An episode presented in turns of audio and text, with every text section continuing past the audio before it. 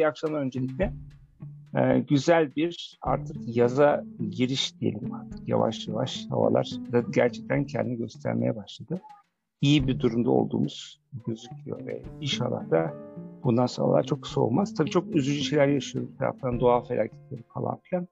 Ama iş yapmaya devam etmek zorundayız. Hep ben onu söylüyorum. Pandemi mandemi ama iş yapmadan da işte varlığımızı sürdüremiyoruz ne yazık ki. Zor, zor dönemlerden geçiyoruz. Hayat zorlaştı. Ezberler bozuldu. Bakalım bunlarla ilgili biz size neler hazırladık. Şahane başladık ve gayet iyi durumdayız. Gerçekten önemli. Şimdi bakın başlarken tabii birkaç tane soru var. E, hatırlıyor muyuz acaba? Covid dönemi öncesi nasıldık? Çok merak ediyorum. Çok çabuk unutuyoruz. Ben Türkiye'de bazen e, balık hafızalı olduğumuzu söylüyorum. Çok çabuk unutuyoruz. Çok çabuk öğreniyoruz. Çok çabuk yine unutuyoruz. Covid dönemi öncesi nasıl çalışıyorduk? Aslında bakmak lazım. B2B tabii çok birebir dokunarak yapılan bir işti. Ee, işte fuarlar, değil mi? Fiziksel fuarlar. Mutlaka müşteriyle bir el tokuşturmak, e, karşılıklı bir pazarlık yapmak gibi dinamikler vardı. Bir anda işler değişti. Aslında o güçlü fuarlar şimdi Covid döneminde bir anda online'a taşındı. Tabii sanal ortamda fuarı e, çok bünye kaldırmadı başta. Ama çaresizlik artık uçamıyoruz. Artık gidemiyoruz, edemiyoruz ve gerçekten ölüm korkusu bütün korkulardan daha büyük. O yüzden de gerçekten insanlar birbirinden uzak durmaya başladı. Tabii bir anda alışkanlıklar yıkıldı arkadaşlar. Alışkanlıkların yıkılmasıyla birlikte zorunda olundu. Değil mi? Zorunda kaldık. Duvara tosladık. Duvara tosladıktan sonra da aslında çok enteresan bir şey oldu. Biz bir anda e, duvara toslayınca hızlıca öğrenmek istedik. Aslında hep Türkiye'de böyle oluyor ne yazık ki. Bir anda öğrenmeye çalışıyor. Bir anda herkes dijitalci, bir anda herkes dijital pazarlama uzmanı, bir anda herkes her şeyi acayip değiştiren bir hal almak için ciddi bir çaba içine girmeye başladı.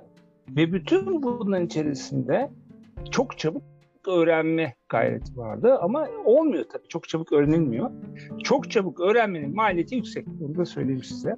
Covid dönemi o yüzden aslında zaten kıt olan kaynaklarımızı biraz heba ettiğimiz bir dönem olmuş olabilir birçok birçok şirket için. Çünkü ben birçok şirketle konuştuğumda e, ciddi normalde yapmayacakları yatırımı o panikle ve çok daha büyük yatırımlara girmeye başladılar. Covid dönemi gerçekten bir aslında keşif dönemi gibi gözüküyor.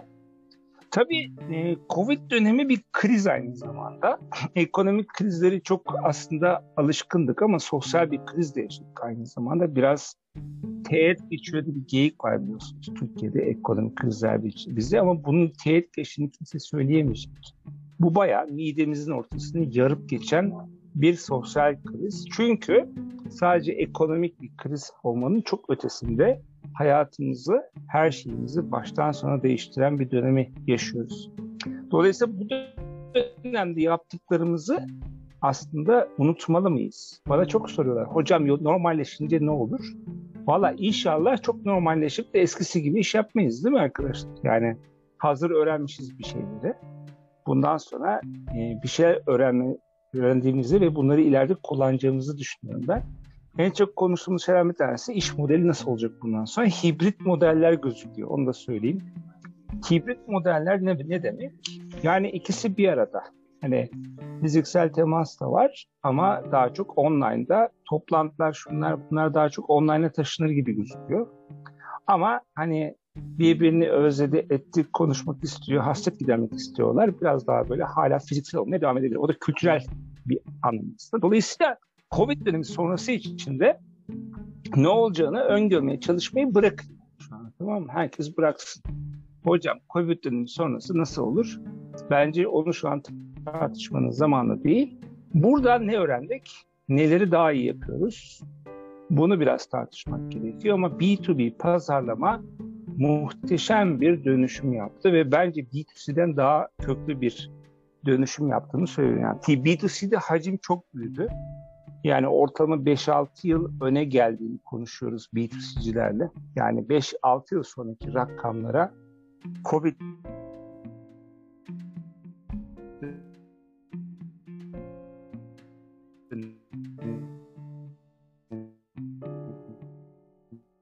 şeklinde B2C aslında artık nerede bekliyorum? B2B'de bir imelenme bekliyorum dünya çapında. Zaten olmaya başladı. Ama bunun hızlanacağını varsayıyorum. Dolayısıyla bununla ilgili birkaç tane ipucu aslında bugün paylaşmak istiyoruz. Biz böyle bir mix hazırladık. Bazen Gökhan bir şeyler söyleyecek.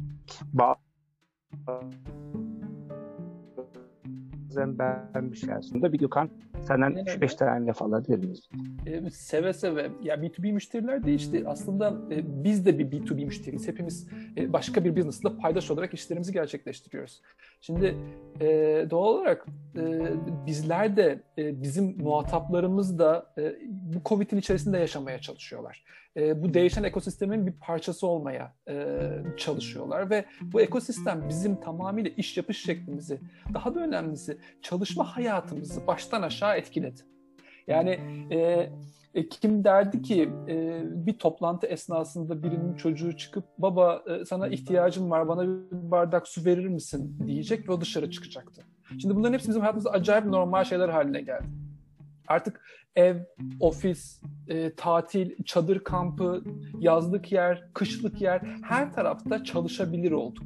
Her tarafta çalışan insanlarla rahatlıkla iletişim kurabilir hale geldik. Bu bence en büyük etkenlerden bir tanesi. Bir de e, burada e, ikinci madde olarak koyduğum en önemli şey de e, zamanı kullanış şeklimiz oldu. Önceden her şeye, aklımıza gelen her konuda minik minik, uzun uzun bazen ağdalı ağdalı toplantılar yapabiliyorduk. Ya da hep çok iyi hatırlarsınız toplantıya girdiğinizde önce işte e, bu hafta Fener'in maçı ne oldu, Beşiktaş ne yaptı diye e, konuşulurken ya da işte şu dizide şu ne oldu diye e, konuşulurken şimdi artık toplantılarımız öyle değil. Artık e, tamamen zaman merkezli çalışıyor gibiyiz, makine gibiyiz. Zamanımızı o kadar iyi yönetiyoruz ki e, artık böyle hadi toplantı yapalım mı değil, e, gerekliyse toplantı yaparız e, kafasından, mindsetine dönüşmeye başladık. Bir de e, temas noktalarımız çok değişti. Artık dışarıya çıkıp koşamıyoruz. E, müşteri ziyaretlerine gidemiyoruz. Hakan Hocam'ın da en başta bahsettiği gibi fuarlar gerçekleşmiyor. Fuarlarda dünyanın dört bir yanından farklı insanlara temas etme şansımız olmuyor. Ama onun yerine e, devamlı e, B2B iş yapan kişiler olarak devamlı LinkedIn'de koşuyoruz devamlı o webinardan bu, bu, bu webinara gidiyoruz. E, yani birbirimize temas ettiğimiz noktalar çok değişti. Bunun en büyük e, kanıtı da burada yazdığım örnekteki gibi e, Türkiye'de 2019 yılına karşı 2020 yılında %58 daha fazla internet verisi kullanılmış. Bu çok acayip. Hele hizmet sektörünün daha büyük olduğu, e, gelişmiş bazı ülkelerde, Batı ülkelerinde e, bu data tüketimi yüzde yüze ulaşmış. Hatta bazılarında yüzde yüzün üzerine çıkmış, çıkmış durumda. Bu çok şaşırtıcı bir şey gibi gelebilirdi bize aslında pandemiden önce ama şu anda baktığımızda e, gerçek manada şaşıracak hiçbir şey yok. Çünkü her şey dijitlere taşındı bizler için. Her şey. Süper. Ya bu temas noktalarındaki değişim çok önemli tabii. Ee, tek başına hani, temas noktalarını incelemek yeterli mi ona da bakacağız birazdan. Ama temas noktaları değişti. Tabii biraz da şey var. Yöneticilerin bu konudaki yaklaşımları var. Aslında e, galiba bazı metrikler bize ne gösteriyor? Stratejiler e, B2B pazarlarına olan ilgi dünyada artıyor arkadaşlar. Yani eskiden belki anlatamıyorduk değil mi üst düzey yöneticilere bunları niçin yapmak istediğimizi. Şimdi aslında herkes sıkıştı ve bütçeleri sandıktan çıkartıyor. Artık harcamak için ha- hazırlar. Ama dediğim gibi çok bir panik havası var. Yani çok bir anda harcamak da doğru bir şey değil.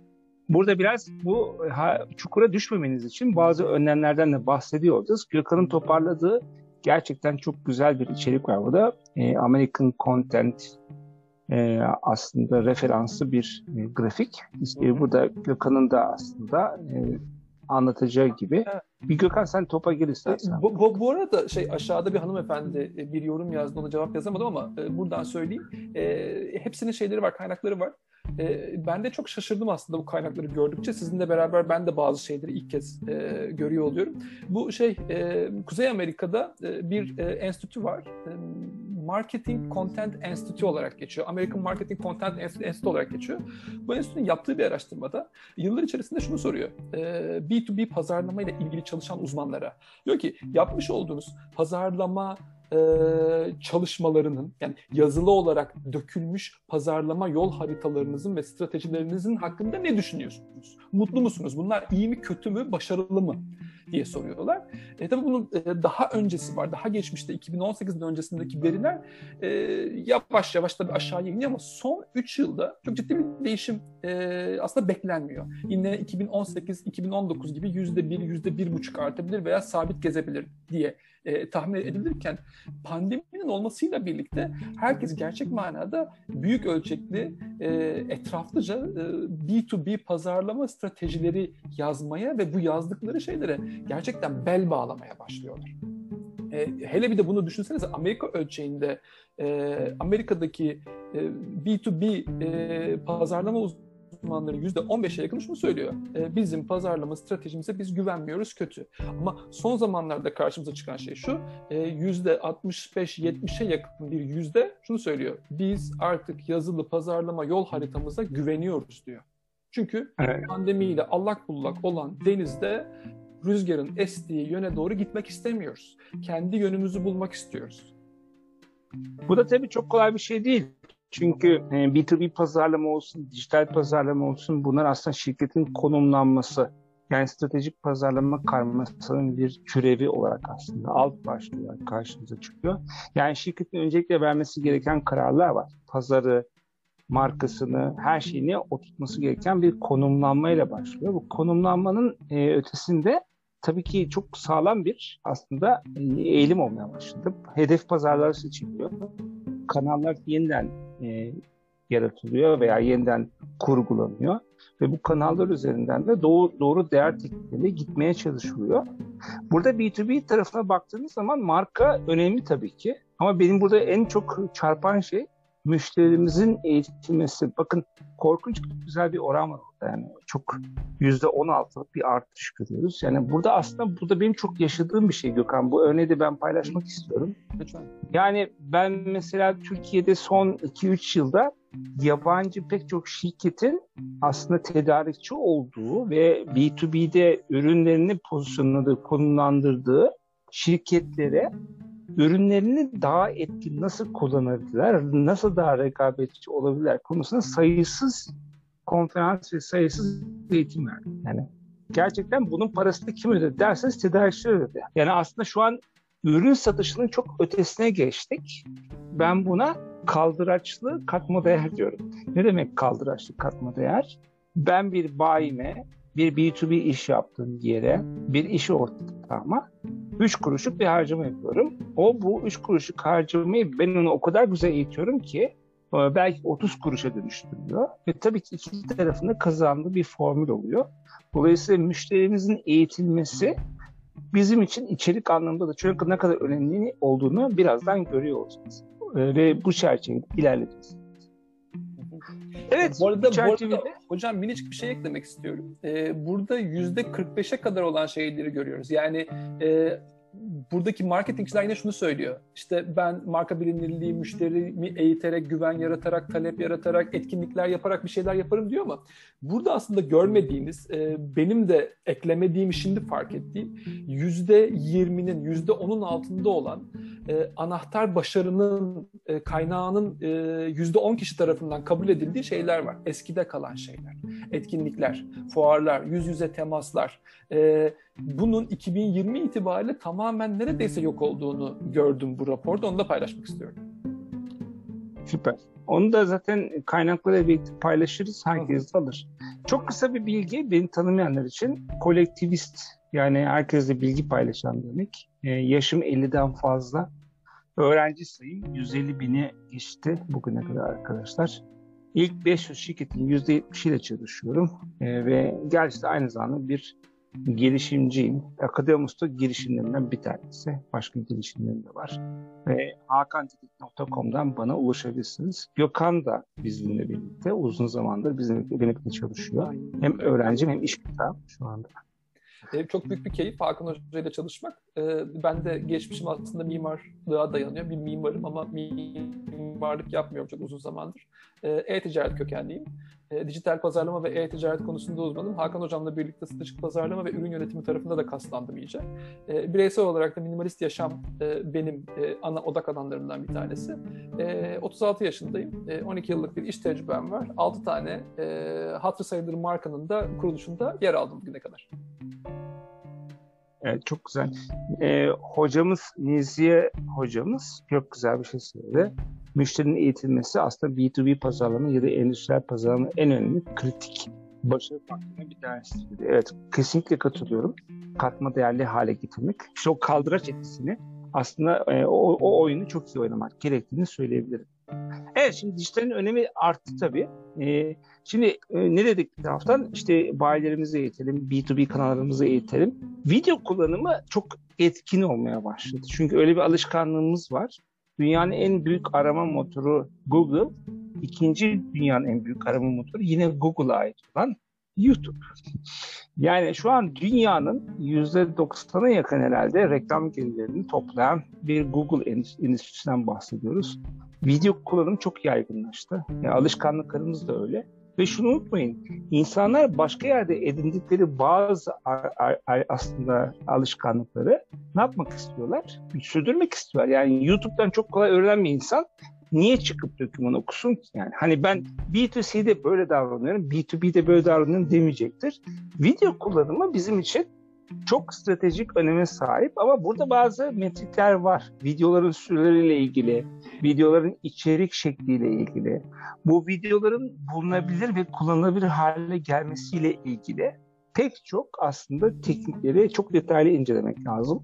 Ve bu teknikleri uyguladığınız zaman göreceksiniz gerçekten çok hızlı bir e, aslında pazarda B2B tarafına erişim konusunda e, çok iyi bir kanal kullanımına gidebilirsiniz. Sanal etkinlikler, sanal etkinlikler çok arttı son dönemde. Artık yani çare, tabii çaresizlik de yaptırıyor. İlk başta herkes bekledi şöyle bir acaba e, normal etkinlik yapabilir miyiz diye. Hayır olmadı. E, ve herkes başladı sanal etkinlik yapmaya. Tabii ki çok alışkın olduğumuz bir şey değil ama olgunlaşıyor. E, olgunlaşıyor çünkü herkes şu an deli gibi yatırım yapıyor oralarda. E, internet zaten artık yeterince hızlı bunları yapmak için. Sanal etkinliklerin sayısının çok artacağını hatta bunların bazılarının dikeyde büyüyeceğini düşünüyorum ben. Bu çok önemli bir bilgi bu arada.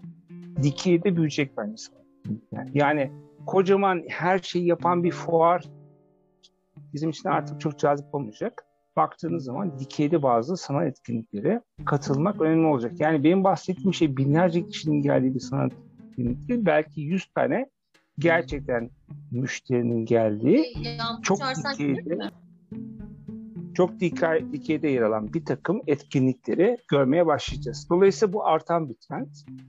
Pazarlamayı yaparken e, kesinlikle arkadaşlar B2B'de e, bazı araçları kullanma zamanı geldi geçiyor. Yani insan gücüyle olmayan e, pek çok kişiyle karşı karşıyayız. Lütfen bu konuya çok kafa yormamız lazım. Tabii ki SEO, Search Engine Optimization, Search Engine Marketing önemli ama şunu unutmayın.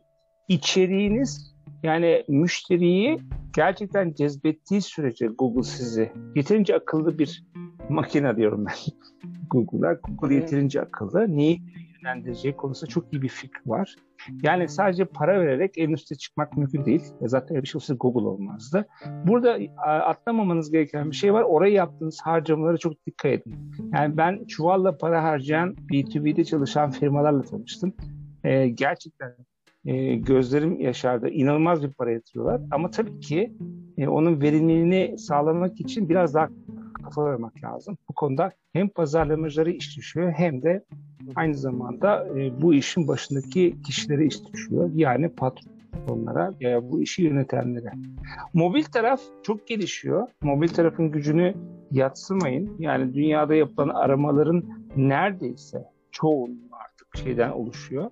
Mobilden oluşuyor. Ama şunu da atlamayın. Mobilden bir arama yapan bir, bir aslında birisinin e, bulmak istediği bilgiyle internetten klasik bir arayüzden giren bir işini bulmak istediği bilgi arasında acayip bir fark var. Mobil uygulamaların bu konuda gerçekten çok kapı açıcı olduğunu düşünüyorum. Yani aslında anında ihtiyaç oluşan bir şey oluyor. Mobil uygulamadan yapılan e, hamleler. O anda bulunduğu yerde o anki ihtiyaca yönelik biraz da daha lokasyon tabanlı çözümleri görmeye başladık. Hocam burada bir iki burada bazı... yapabilir miyim izninizle? Tabii. Ee, ya özellikle şey metrikler konusunda SEO ve e, Search Engine şey e, SEM konusunda bazı yorumlarınız oldu. Buna çok katılıyorum. Özellikle şeyi söylemek istiyorum. Metriklerle, e, KPI'lerle e, burası son derece ölçümlenebilir bir şey. Bu konvansiyonel pazarlamanın e, eski yapısına hiç benzemiyor. E, do, dolayısıyla buradaki her türlü metriği her şekilde kontrol ediyor olma şansımız var. Buna çok dikkat etmek gerekiyor. E, bir de şey var. E, hep online dediğimizde ee, az önce son cümle olarak ağzınızdan lokasyon bazlı e, kelimesi çıktı. Bu çok kıymetli bir parametre. E, şu ana kadar kullandığımız ve çok popüler olarak bildiğimiz bütün e, dijital pazarlama araçları, sosyal medya araçları, Facebook, Google, Yandex ve benzeri şeyler e, çoğu zaman e, webdeki bilgi bütünü üzerinde çalışıyor gibi görünse de e, ciddi anlamda özür diliyorum sesi de kıstım e, ciddi anlamda e, lokasyon bazlı çalışmaları da var. Yani her mikro işletmenin ya da makro işletmenin e, kendisini e, lokasyon bazlı tanımlamasıyla birlikte dijital dünyadaki varlığını bütünlemesi mümkün. Özür diliyorum. Teşekkürler. Çok, çok güzel. Biraz hızlanarak gitmemiz lazım. Bayağı içeriğimiz var. Şimdi ekranda çok güzel şeyler var.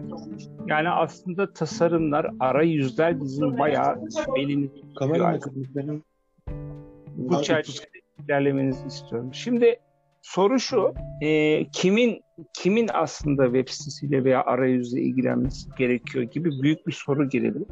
Herkesin, herkesin yani pazarlamacıya bırakılmayacak kadar önemli. Çünkü arayüz. O da herhalde.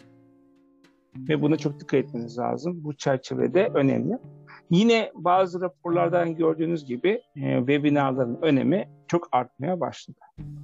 Peki bütün bu dünyada ilerleyecek olursak arkadaşlar neler görüyoruz? Mobil önemli hale gelmiş durumda ve yüzde seksen e, gibi bir oran var değil mi Gökhan? Bayağı yüksek evet, bir oran. Evet evet. Ya B2B'de e, biz hep şey arıyoruz. Müşterinin e, deneyimi şey gibi o böyle e, ceketini sabah çıkartıp masasının arkasına asıyor ve çalışmaya başlıyor. Bizim B2B müşterimiz e, bambaşka bir hayatla bakıyor gibi düşünüyoruz ama hayır. O dün akşam evinde cep telefonundan e, Netflix'te bir dizi seyretti. E, o yüzden e, ya da işte e, çocuğunun bezi bitti, e, ıslak mendili bitti ve getirden tık diye sipariş verdi. Şimdi bu adama bu kadına dönüp de şey diyemeyiz. Yani git masa üstünden aramanı yap, e, şunu et, bunu et diyemeyiz. B2B müşterilerin yüzde bu, bu, bu arada e, Amerika'da yapılan bir araştırma yüzde seksenden fazlası mobil kullanıyor. Ve komik olan taraf şu, tamam mobil kullanıyor da işi için kullanıyor mu dediğinizde en son satın alma işlemlerinden bir tanesinde, ya şey yaklaşık yüzde altmışı da en son satın alma işlemlerinden bir tanesinde mobil cihaz kullanmış. Ya tablet kullanmış ya telefon kullanmış. Bu buradaki fark şu. Bu araştırma 2018 yılında yapılıyor. E, 2020 yılında geçen sene başka bir şirket başka bir araştırma yapıyor. Burada da şunu görüyoruz. Artık 2018 yılında e, satın alma işlemlerinden bir tanesinde e, mobil kullanan e, kişiler gitmiş. B2B müşterilerin %91'i fiyat taramasını mobil cihazlardan yapar haline gelmiş. Çok acayip bir dünyaya döndük. Evet, verinin önemi gerçekten çok aslında e, ortaya çıkmaya başladı ve bizim için çok çok önemli. Tabii burada bakın en çok kullanılan iletişim araçları konusunda bir araştırma var. Yine e, güncel bir araştırma. Hı hı. Sosyal medyaların burada önemini görüyoruz. Bloglar, Blokların önemi çok büyük tabii. Çünkü içerik sağlıyor. Sizin de yani buna yatırım yapmanız lazım. Sonra sırayla gidiyor. Dijital ayak izi bırakıyor. En önemlisi bir de hocam. Evet. Ve bu da ölçülüyor arkadaşlar. Bizim için çok önemli. Yani sosyal medya bizim için B2B'de birinci e, ondan sonra blokların geldiğine inanmak gördüğünüz gibi çok belki de önemli çarpıcı bir veri olduğunu düşünüyorum. E-mailing çalışıyor mu hala diye bir laf var. B2B'de e-mailing hala çok geçerli. Eğer B2B. iyi yapıyorsanız. Kesinlikle buna da dikkat etmeniz lazım. Evet. Bir sonraki slaytta da bakın en başarılı lead yaratan karalar. Burada zaten e-mail yukarı çıktı değil mi Gökhan? Bayağı... Evet aynen öyle. Bu İspanya'daydı. Az önceki çalışma 2020 yılında yapılan bir çalışma. Amerika'da gerçekleşiyor. Bu da İspanya'da gerçekleştirilen bir araştırma. Bu lead yaratıyor, müşteri yaratıyor. E dersiniz ki e-mail'den nasıl müşteri yaratıyorsunuz? E, doğru kitle, doğru mesajı, doğru zamanda, doğru frekansla verdiğiniz zaman e, bu doğruyu keşfetmek tabii ki hiç kolay olmuyor, vakit alıyor. E, müşteri elde etmek e, gerçekleşiyor. Ardından search dediğimiz bu arama motoru e, optimizasyonu aslında az önceki şeyle e, tabloyla neredeyse aynı. Yani evet. şunu söyleyeceğim, bloklar aslında bizim search e, arama motorlarındaki şeyimiz, ayak izimiz. Dolayısıyla hep paralel gidiyor birbiriyle. Kesinlikle öyle. Tabii burada benim dikkatimi çeken bir şey daha var. Live event diyor. Yani canlı e, aslında hadiseler. E, dolayısıyla e, burada çok önemli. E, yani canlı bir şey yapmak, canlı bir sunum göstermek de benim aslında çok önem verdiğim bir şey. Çünkü gerçekten karşı karşıya gelip e, aynı zamanda diyalog kurulabiliyor. Biraz önce yine bir sürü notların içinde geliyor. Yüzde bir açılma oranlarından bahsediyor. B2C için çok geçerli bu. B2B'de bu oran daha yüksek arkadaşlar. Biz çok büyük oranlara ulaştığımız oldu. Örnek evet. verebilirim. E, akademis tamam. olarak benim e, bizim şu anda e-mail açılma oranlarımız e, yüzde 35 e, yüzde 4 civarında da tıklanma oranımız var. Bu bazen 9-10'a kadar çıkabiliyor. Vermiş olduğumuz içeriğin e, değerine göre bu değişebiliyor. Evet kesinlikle. Ve gerçekten e, yine bakın çok güzel şeyler geliyor. Yüzde otuzlara ulaştım diyenler var. E, oran çok yüksek olabilir B2B'de. B2C ile Şimdi benim doktora tezim de izinli izinli pazarlamaya yönelik. E, izinli pazarlamada da bu metrikler çok önemliydi ama izinli pazarlamada her zaman söylediğim bir şey var. Content çok iyi tasarım sevgili arkadaşlar. O tasarımlara ağırlık verdiğiniz durumda şey. Sonra, sonra içerik de bir kavram var. Ee, içeriklerin dizaynı çok ihmal ediliyor. Bu özellikle ben N11 ile e, uzunca bir zaman çalıştım. İçeriğin önemini çok iyi biliyorum bu yüzden. Yani bir pazar yeri en nihayetinde. Yani kendisi fotoğraflarını çekmesinden tutun tanımlamaların yapılmasına kadar hepsi burada ile çalıştım aynı şekilde. Yani hem web sitelerinde hem pazar yerlerinde gerçekten e, çok önemli şeyler yazıyoruz. Ama içerik konusunda benim özellikle çok önem verdiğim şey yine dikeylerde içerik geliştirmek gerekiyor. Yani dikeylerdeki içerikler sizi çok sıçratan bir şey oluyor. Çünkü B2B'nin B2C'den çok temel bir farkı var. Alıcı ne aradığını çok iyi biliyor Değil mi? Alıcı ne aradığını çok iyi biliyor. Hangi fiyatta ve hangi teknik özelliklerle e, aradığını da biliyor. Dolayısıyla dikeyde arıyor aslında. Dikeyde arıyor. Dikeyde Ama bir... ilgili bir örnek istediler hocam. E, lafınızı tamam. bölüyorum. Ben de bir örnek verebilir miyim? Ver. E, geçenlerde çok komik bir şeyle karşılaştım. E, bir e, do it yourself e, web sitesi var ve bu do it yourself web sitesi bir şirketle e, yaptıkları tek şey e, ahşapları e, rendelemek ve oymak üzerine çalışan bir şirket. Tam olarak malzemenin ismini bile hatırlamıyorum. Webinar duyurusuyla karşılaştım. İnanılmaz bir şey. Tabii. Yani e, yourself'lik de bambaşka bir dikey. Yani e, aslında B2B'de bulunur olmak bence içerik çok iyi çalışılırsa B2C'den daha ucuz bir faaliyet. Üstelik bulduğun müşteri daha kıymetli bir müşteri. Çünkü e, normalde sadakati daha yüksek bir uzun vadeli bir işbirliğine girme potansiyeli var. O yüzden dikeylerde içerik üretmek ve gerçekten çok e, nişe odaklanmış olan ürün ve servisleri çok net bir şekilde ifade etmekle ilgili multilingual yani çok dilli çok dilli yapılara gitmeniz lazım. Özellikle ihracat bacağında da büyümek istiyorsanız sevgili arkadaşlar. Bu bizim için çok önemli. Yani ihmal ediyoruz biraz e, bu tarafı. İçeriğin gücünü gerçekten e, çok bilmemiz lazım. Benim bir konuşmam var 2000 yılındaki e, BT vizyon toplantıları vardı o zamanlar. E, o toplantıda çok net bir şekilde ifade ettiğim şey ko, yani content kraldır demişim o zamanlar gerçekten şu an onun içinde yaşıyoruz. Yani şu an content her şey yani. Content'e sahip olan veriye de sahip oluyor. Evet. Sonra bir B2B'de ve B2C'deki aslında satın alma yolculuğu var. İçerik burada nasıl akıyor? Ee, onu bir istersen Gökhan sen özetleyiver. Evet ya burada şey var aslında temelde üç tane nokta var. Bir tanesi o cazibenin yaratıldığı, merakın ortaya konduğu nokta. Sonrasında merak doğrultusunda e, içeri giren kitlenin e, olgunlaşmasını sağladığımız bir yer, bir, bir e, orta alan var. Sonrasında da satın almaya dönüyor bu süreç zaten biliyorsunuz. E, B2B'den ve B2C'de bu süreç biraz farklı oluyor. E, B2B'de e, sol tarafta gördüğünüz o cazibe yaratıp olgunlaştırıp satın almaya götürdüğünüz bütün içerik süreci e, çok ciddi, e, çok detaylı ve çok derinlemesine kaliteli içerikler var. Ama e, B2C tarafta dikkatiniz çekeceği gibi başta daha light, daha hafif, daha az vakit harcadığınız içeriklerle içeriye çekip sonra ufak ufak bilginin yoğunluğunu arttırarak satın almaya doğru bilginin yoğunluğu en tepe seviyeye çıkıyor. Yani şöyle e, viral bir içerikle ya da çok e, 15 saniyede okunabilecek bir infografikle B2C tarafta e, ihtiyacı karşılayan bir cazibe yaratılabiliyor. Sonrasında blog yazıları, ardından videolar, e, minik hareketli görseller, e, satın alma rehberi dediğimiz ürün hakkında bilgi veren farklı şeyler, sonra ürün açıklamaları ve en sonunda müşteri yorumlarıyla birlikte bir B2C e, içerik yolculuğunu görmek mümkün. Zaten bunu şöyle düşünün. E, hepsi buradan veya Trendyol'dan herhangi bir ürün aldığınızda e, sondan geriye doğru, e, başa doğru bir sıralayın ve bütün bu içeriklerin hepsiyle karşı karşıya geleceksiniz. Ama B2B tarafta gerçekten çok zor. E, çok, çok kaliteli içerik, içerik üretmek gerekiyor. Çünkü burada gerçekten çok ciddi bir iş var.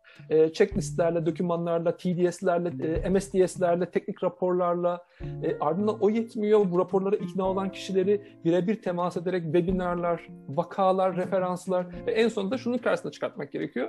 Benim sana vermiş olduğum hizmet, ürün ya da servis e, sana para kazandıracak dediği ROI hesaplarıyla ve son olarak da testimonial'larla akan bir süreç var. E, dolayısıyla e, özetle e, en başında da söylediğim gibi sol tarafta yani B2B içerik üretiminde gerçekten zor bir işimiz var. Kesinlikle. Technical data sheet. Kesinlikle öyle. Yani şey aslında e, katma değeri nereden yaratacağı konusunda onu bilgilendirmek çok önemli. Benim hep aklıma şey geliyor.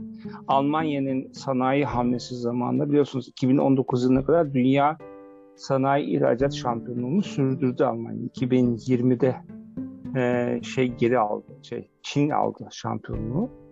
E, Almanya'da e, Hidden Champions diye bir kavram var. E, bir konuda çok uzman olan şirket o kadar uzman ki bulunur oluyor zaten bu konuda. Ve teknik olarak öyle bir ürün yapıyor ki dünyada emsali yok. Bakıyorsunuz şirket çok küçük böyle 200 kişi falan bir şirket ama 100 ülke ihracat yapıyor karlılık patlaması var. Bunlara gizli şampiyonlar diyorlar arkadaşlar. Hani aslında gizli şampiyon yaratmak lazım Türkiye'de bol miktarda. Evet burada marka bir lead, olgun lead ve satışa dönüş aslında funnel diyoruz buna değil mi? Bir funnel mantığını anlatıyoruz. Ben biraz hızlı bir şekilde burada da söyleyeceklerim varsa Bu batı, onları şey, alalım. Kuzey, Kuzey Avrupa'da yapılan bir araştırma. Ee, burada yine pazarlama uzmanlarına soruyorlar. Bu funnel içerisinde en etkili araçlar nelerdir diyorlar. Burada oranlar var. E, marka bilinirliği yüzde, marka bilinirliğinin altında en çok blog, sosyal medyanın etkili olduğunu söylüyorlar. E, bunun e, lead yaratma tarafına geçtiğimizde, potansiyel müşteri oluşma tarafına geçtiğimizde de en çok yüz yüze buluşmaların ve online etkinliklerin etkili olduğunu ve e-bookların çok faydalı olduğunu söylüyor Kuzey Avrupalılar e, lead'i olgunlaştırma e, noktasında e, sık sık yapılan doğru iletişimlerin ki bu doğru iletişimlerde e-mailing ve bloklarla gerçekleşiyor. E, bunu bazıları vlog olarak, video e, bloğu olarak da kullanabiliyor. En sonunda satışın gerçekleştiği yerde de yüz yüze buluşmalar e, vaka çalışmaları ve online etkinliklerde olduğu söyleniyor. E, bu e, araştırmayı da sizlerle paylaştığımda zaten hissedebileceksiniz buradaki gücü. Burada şimdi tabii herkesin bunu okuma şeklini çok iyi anlatmak lazım. Aslında burada bana verilen mesajı çok iyi anlayalım. Mesela benim lead yaratma ihtiyacım varsa yapacağım hamleler belli. Benim getirince müşterim geliyorsa, potansiyel müşterim geliyorsa ben bunları convert edemiyorum diyoruz biz ona. Yani müşteri dönüştüremiyorsam yapmam gereken hamleler de belli. Yani burada aslında her aşamada e, dijitalin farkı da burada B2B. B2B'de eskiden böyle bir şey yoktu. E, ve biz şu an bunları ölçebiliyoruz. Dolayısıyla hangi aşamada hangi hamleleri yapacağınız çok bilimsel olarak şu an önümüzde duruyor. Kafa yormanız gereken aslında e, şeyler de çok önemli. Burada da 2019-2020'deki e, sosyal medya kullanımı konusunda bir bazı rakamlar var. Ve bunu da biraz Gökhan yine sen özetle özellikle bu bütün araştırmaları Gökhan hı hı. E, toparladı. Biz birlikte sonra inceledik. O yüzden de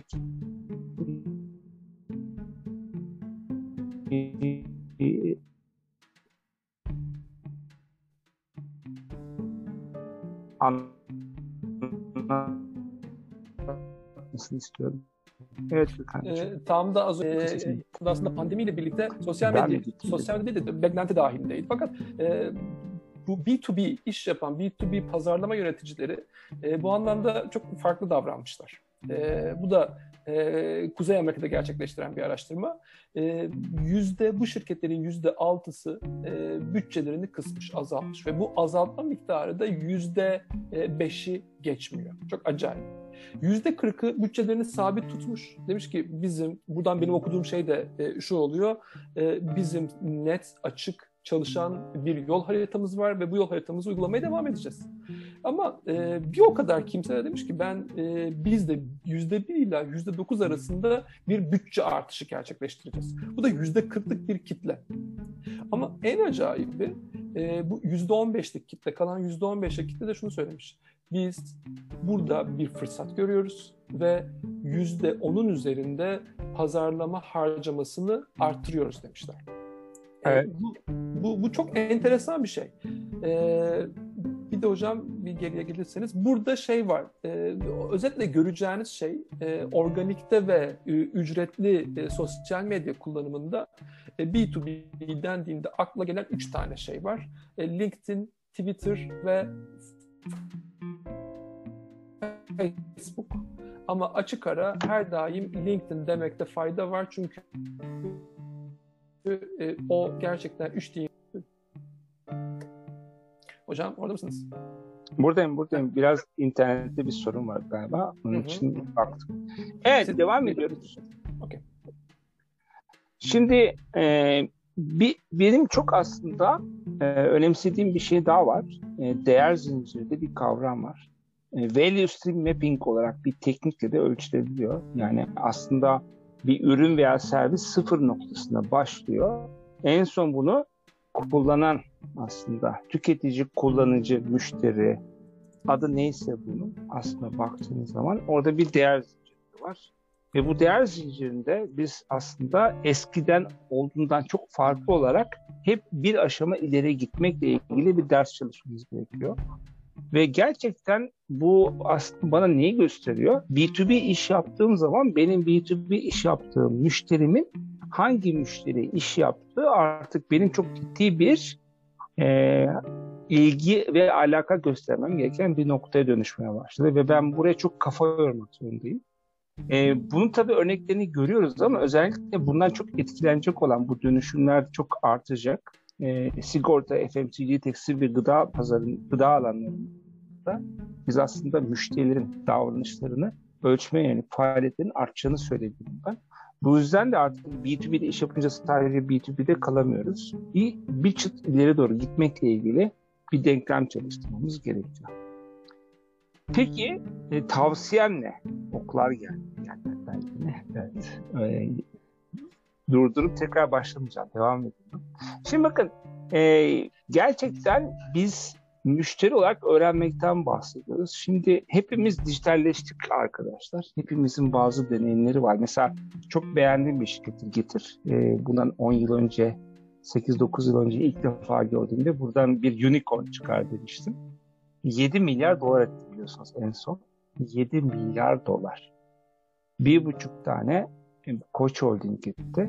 Tabii çok önemli yani. Burada neden ettiğine baktığında B2B şirket B2C şirket akşama kadar tartışabiliriz. Gerçekten e, daha önemli şey tartışmakta fayda var. E, orada bir ders var hepimiz için.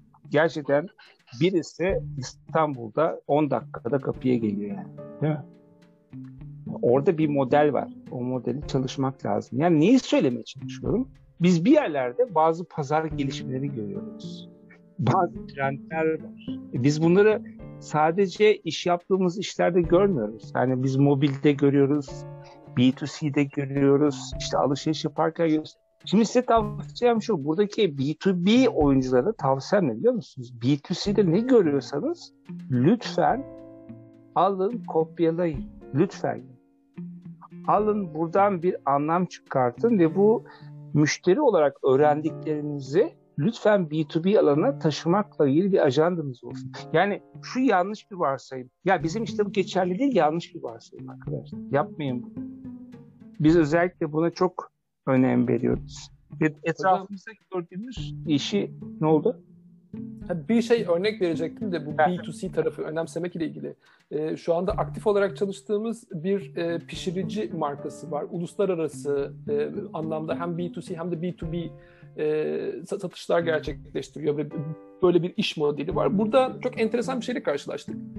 E, çok başarısız, çok kalitesiz e, bir markanın e, farklı yerlerde, farklı platformlarda bizim markamızdan daha çok e, sattığına şahit olduk.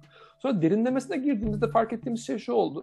E, bu satışların gerçekleştiği ülke Almanya ve İngiltere. E, bu pişiricilerin e, satış bedeli 80 euro iken montaj bedeli de 80 euro.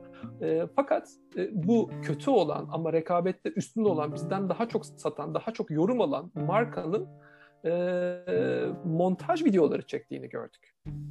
Biz bunu B2B olarak B2C'den öğrendik. E, ve şimdi en büyük operasyonumuz e, bir B2B marka olarak bu bütün ürünlerimizin montaj videolarını çekip tüm bayilerimize iyi olma gibi bir gündemimiz var. Ve bunun bizim satışlarında çok ciddi bir pozitif değer katacağından da eminiz. Çok net bir örnekti bizim için. Evet. Yani yaşadığımız örnekler hepsi bunlar. O yüzden gerçekten çok önemli. Tabii verilerle haşır neşir olmanız lazım biraz. Yani bunları artık herkes biliyor yani. CRM, şusu busu, Z-mod, Zero Moment of Truth demek. Yani e, bir sıfırıncı anda bir yerde talebi yaratmak veya fark ettirmek demek. İzinler, web servisleri ama e, veriyle uğraştığınızda şunu göreceksiniz. Her şey şimdi oluyor. E, ve bu B2B'nin ve B2C'nin online dünyadaki en karakteristik özelliği benim gözümde. Her şey şu anda. Şu anda geçerli. Yani siz bu şu anda bir kesit alıp bir şey öğrendiğinizde buradan dinamiği yakalamanız lazım ve bu anlara hazırlık yapmanız lazım. Dolayısıyla her şeyin şimdi olması benim için en vurucu örnektir. Ve ben bunu yaparken bir sonraki veri hamlesine hazırlanmam gerekiyor. Yani, yani önceki veriden öğrendiğimi bir sonraki de veride kullanmakla ilgili bir denklem var. Buna prediktif modeller deniyor aslında. Prediktif modeller tahminleme modelleridir. Yani keşke ben B2B iş yaparken benimle iş yapan iş ortağımın e, önümüzdeki hafta ne sipariş edeceğini en yüksek o doğrulukla tahmin edebilsem senaryosu var. Şimdi bu senaryolarda benim için ne demek? Bazen ürünün bulunurluğu aslında direkt rekabette biliyorsunuz çatırdayan bir şeydir. Yani e, yok satmak bir e, üreticinin, bir tedarikçinin başına gelebilecek en kötü şeylerden bir tanesidir. Yok satmamanın öndeki parametre de pazarın verisini okumak kadar müşterinin verisini okumak ve bir yere getirmek. Her şey şimdi oluyor. Yani şimdi pazarda bir şey oluyor. E siz orada ya oluyorsunuz ya da olmuyorsunuz. Dolayısıyla bizim için çok önemli bir parametre. Özür dilerim. Evet. Şimdi potansiyel müşteri erişmek diye bir derdimiz var. Biz böyle proje çok yapıyoruz. Yani e, pazar yayılımı, coğrafi büyüme bazen yapıyoruz. Bazen pazar derinlemesi yapıyoruz. Yani stratejilerimizde biz aslında çok net şunu biliyoruz. Nereye gitmemiz lazım? Nereden uzak durmamız lazım? Potansiyel müşteride bir kavram var. Lead generation bunun e, İngilizce'deki tam karşılığı. Yani potansiyel müşterilerin bize dokunmasını nasıl sağlarız? Gökhan sen burada bir şey hazırlamıştın. Onu da bizimle paylaşırsan sevinirim. Hı hı. Ee, bir sonraki slaytta slaytta çıkartırsanız ikisini beraber anlatayım Hakan. Ya burada burada bir huni var aslında. E, huninin tepesi ne kadar açılırsa aşağıya o kadar çok su akıtma şansımız oluyor. E, markanın bilinirliği ne kadar e, güçlü ve başarılıysa e, bu potansiyel müşteri yaratma süreci de o kadar fazla oluyor. Ama e, esas mesele bu potansiyel müşteriyi olgunlaştırmakta yatıyor. E, bunu olgunlaştırıp e, teklif verebilecek müşterimiz haline getirmemiz gerekiyor ki sonrasında tekliften sonra gerçekleşecek satın alma süreci e, o kişiyi ya da o kurumu bizim müşterimiz haline getiriyor. Şimdi e, burada çok karmaşık bir süreç var. Hele B2C tarafta iyice karmaşık bir yapı var.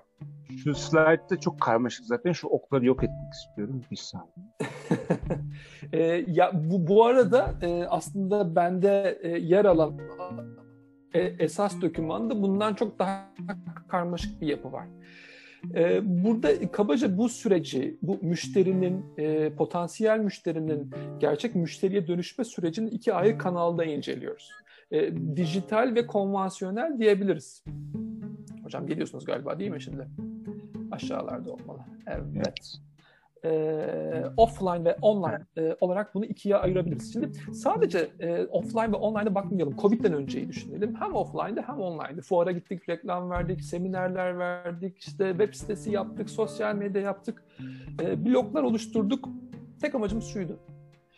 İletişim haline geçelim müşteriyle. Bazen e-mail ile geçtik, bazen telefonla geçtik. Sonra e, e, yukarıda bahset, e, önceki slaytlarda bahsetmiş olduğumuz bir rakam vardı. E, yöneticilerin yüzde sekseni bizim web sitesi ve sosyal medya içeriklerimizi kontrol ediyor. Bunlar web sitesi içeriklerine baktıktan sonra bize dönüp e, onlarla birlikte yüz yüze görüşme şansımız oluyor. Ürünümüzü anlatıyoruz, şirketimizi anlatıyoruz, vakalar yapıyoruz, referanslar veriyoruz. Sonra teklif veriyoruz. Tekliften sonra satış, müşteri ilişkileri, e, takip ziyaretleri, ilave siparişler gibi süreçler var. Yine sol tarafa bakarsanız marketing başta iletişim sürecine kadar vardı. Sonrasında satış süreci devreye girdi. Satışın çok uzun bir serüveninden sonra yine marketing devam etti. Ama e, online'a geldiğimizde bu süreç daha başka oldu. E, çünkü Covid ile birlikte offline dünyayı kullanamaz hale geldik. O yüzden sadece online araçlarla SEO, Search Engine Optimization, ondan sonra sosyal medya, e, web sitesi, reklamlar, bloglar kullandık. Telefon araması da belki yaptık ama işlerimizin büyük bir çoğunluğunu e-mail ile hallettik. Yüz yüze görüşemedik. Broşür paylaşamadık. Sunum yapamadık. Her şey webten gitti. Webinarlarla gitti, testimonylarla gitti, videolarla gitti. Ve sonra satışı gerçekleştirdik ve burada çok farklı bir paradigma dönmeye başladı. Artık sürecin büyük bir çoğunluğunda marketing devrede, satış ise gerçek manada satış kapatma aksiyonu üzerine uğraşıyor. Bu bu çok ciddi bir değişimdi. Ee, bunu göstermek için aslında biraz karmaşık olduğunu biliyorum. Hocam bir sonraki slaytla onu şeyin üzerine kapatabilirsek offline'ın çok da iyi anlaşılacak diye düşünüyorum. Aslında bu bizim yeni dünyamızı anlatıyor.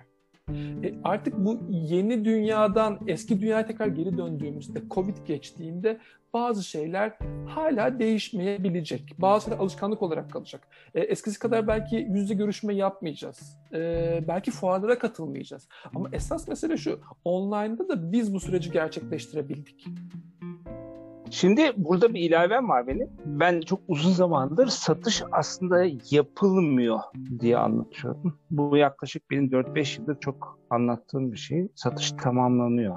Şimdi bu online dünya bunu çok yüzümüze çarpan bir şey oldu. Yani aslında müşteriyi yakalıyoruz, teklifi hazırlıyoruz, ürün belli, doğru müşteri, doğru fiyatlama falan. Satış tamamlanıyor satışın tamamlanması ne demek bizim için? Pazarlama sürecinin daha uzun olması, yani daha müşteri iç içe olması gerektiğini söylüyor. B2B'de bu dinamik zaten vardı ama şu anda gerçekten marketing tarafına baktığınız zaman e, B2B'deki ağırlığını daha çok hissetmeye başladı. Müşteriyi merkeze koymakla ilgili bir e, kavram var arkadaşlar. Müşteri merkeze koymak, müşteri merkezlilik aslında. Ne demeye çalışıyoruz biz? Her müşterinin peşinden koşmayacaksınız. Kusura bakmayın. Çok aslında önemli. Müşteri merkeze koyduğunuzda hangi müşteriye gideceğinize ve kime gitmeyeceğinize karar verirsiniz. Çok müşteri demek iyi bir şey demek değil bir pazarlamada. Hedefli, gerçekten değerini ölçtüğünüz bazı müşterilere hamlelerinizi çok iyi tasarlayacaksınız. Ve müşteri merkeziliğini bu müşteri değerini baz alan bir mantıkta müşteri deneyimini iyileştirmek için ve müşteri yolculuğunu en üst aşamaya çıkartmak için bir takım hamleler yapacaksınız. Bu müşteri değeri çok ayrı bir konu. Lifetime value olarak aslında karşılığı var. Yaşam boyu değer demek. Dolayısıyla yaşam boyu değer olduğu zaman gerçekten beni ben şimdi kesildi. Okey. Ben şimdi duyuyoruz. Okey, duyuyoruz. Evet duyuyoruz. Anlaşıldı. Şimdi müşteri merkezlilikte e, benim aslında söylediğim bir şey var her zaman. Derinleşmek gerekiyor. Pazar segmentine karar vermek gerekiyor. Oradaki müşterilerden hangilerine gideceğinizi çok iyi tasarlamanız gerekiyor. Müşteriye yapacağınız hamlenin maliyetini çok iyi kestirmeniz gerekiyor. Attığınız taş ürkütünüz kurbağa değilsin mantığında gerçekten çok önemli. Öteki tarafı baktığınız zaman da e, gerçekten e, müşteri deneyimi ve müşteri yolculuğu bir taraftan da bizim için önemli oldu. Yani size şiddetli tavsiyem dönüşen bir müşteri deneyimini aslında modellemeniz. İhtiyaçlar değişti. İhtiyaçlar değiştikçe müşteriler değişti, segmentler değişti. Biz özellikle çok yaptığımız bir şey var arkadaşlar. Onu da söyleyeyim. E, bazıları benim buradaki görüntümü göremiyor. Bir saniye onu da düzeltelim. Şuradan görüntümü vereyim ben herkes sanıyor ki benim mikrofona başka bir açıdan konuşuyorum. Ee, baktığınız zaman pazar segmentleri var. Bu şimdi çok basit bir şey var. Ee, yani müşteri merkezinde çok iyi fark edilmesi gereken en önemli husus aslında pazar dediğimiz şey ihtiyaçlar bütünü. İhtiyaçlar bütünü içerisindeki ihtiyaçları toparladığında pazar segmentlerini o pazarın içindeki e, aslında müşterileri de ikiye ayırdığında yani mevcut müşteri ve potansiyel müşterilerinde aslında eşittir pazar demek. Yani müşteri artı potansiyel müşteri eşittir pazar bekliyor demek. Sonra müşteri anladıktan sonra da bu müşterinin huyunu ve suyunu çalışmam gerekiyor diyorum ben. Yani bir müşterinin, bu müşterinin aslında tomografisini çekmek diye bir lafım var benim. Mümkünse onların tomografisini çekmek için person dediğimiz teknikler kullanıyoruz. Bizim müşteri deneyiminde çok kullandığımız bir şey. Ve gerçekten bizim için çok önemli. Diğer taraftan e, ürün e, bizim için önemli. Müşterinin aslında deneyim yolculuğu bizim için çok önemli. Ve NPS'de de bunu ölçebiliriz. Yani Net Promoter Score diye bir teknik var. Size şiddetli tavsiyem e, müşterilerinizin deneyimini ölçün. Çok önemli ve müşterinin deneyimini ölçerken e, asla atlamamanız gereken bir şey var. Bunu e, sürekli mesela 6 ayda bir, yılda bir Net Promoter Score'la e, bütün bayilerinizin sizin tavsiye skorunuzu ölçmenizi ve taraftar müşteri yüzdenizin artıp artmadığını, yaptığınız faaliyetlerin ne kadar işe yaradığını bilmekle ilgili bir ölçümlemesi. Bununla ilgili de bizim çok know-how'umuz var. E, bu konuda da e, NPS.com.tr bizim e, bunun dışında bununla ilgili yazılarımız da var. Bunları da incelemenizi şiddetle tavsiye ediyorum.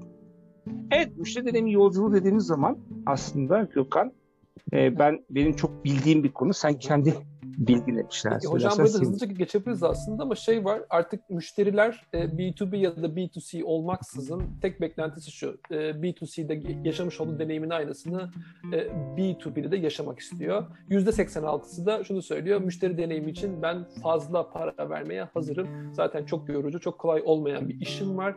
B2B serüven beni yoruyor. O yüzden işimi kolaylaştırın diyor. Çok özetle. Kesinlikle ve aslında şunu da çok iyi anlamamız lazım. Hem B2B'de bir B2C'de geçerli olan tek kural var. Biz hayatımızı zorlaştıran şeyleri hayatımızdan atıyoruz. Hayatımızı kolaylaştıran şeyleri hayatımıza alıyoruz. Değil mi arkadaşlar? Yani temel davranışımız. Ve bizim için çok önemli. Çok önemli. Lütfen bunları yaşadığınız şekilde gerçekten B2B pazarlama know-how'unuza aktarın. Burada yine bazı veriler var. E, bu verilerde gördüğünüz gibi aslında B2B tarafında yani müşterilerin önemi var değil mi? Çok güzel şeyler var. Evet, çok çok çok basitçe anlatmak gerekirse az önce bahsettiğim gibi e, şey e, müşterilerimizin B2B müşterilerimizin yüzde sekseni e, B2C'de yaşamış olduğu deneyimi yaşamak istiyor. Hatta daha iyisini yaşamak istiyor. Çünkü söyledikleri şey şu, araştırma sonucunda şöyle bir özet çıkıyor. E, B2B alışveriş yapmak, ticaret yapmak B2C'den çok daha zor. Kolaylaştırılmalı deniyor. Hatta yine aynı araştırmada, şey pardon başka bir araştırmanın içerisinde B2B müşterilerin e, yüzde 77'si süreçleri çok karmaşık olduğunu e, söylüyor ve e, süreçler içerisinde devamlı hatalar yaptıklarından da bahsediyor. Dolayısıyla aslında burada çuvaldızı kendimize batırmamız gerekiyor. Deneyim anlamında e, kendimizi çok fazla geliştiremediğimizi görüyoruz. E, ve şey çok acayiptir geçen geçen e, ay içerisinde yazmış olduğumuz Akademus'taki bir blog yazımızı da e, gündeme getirmiştik.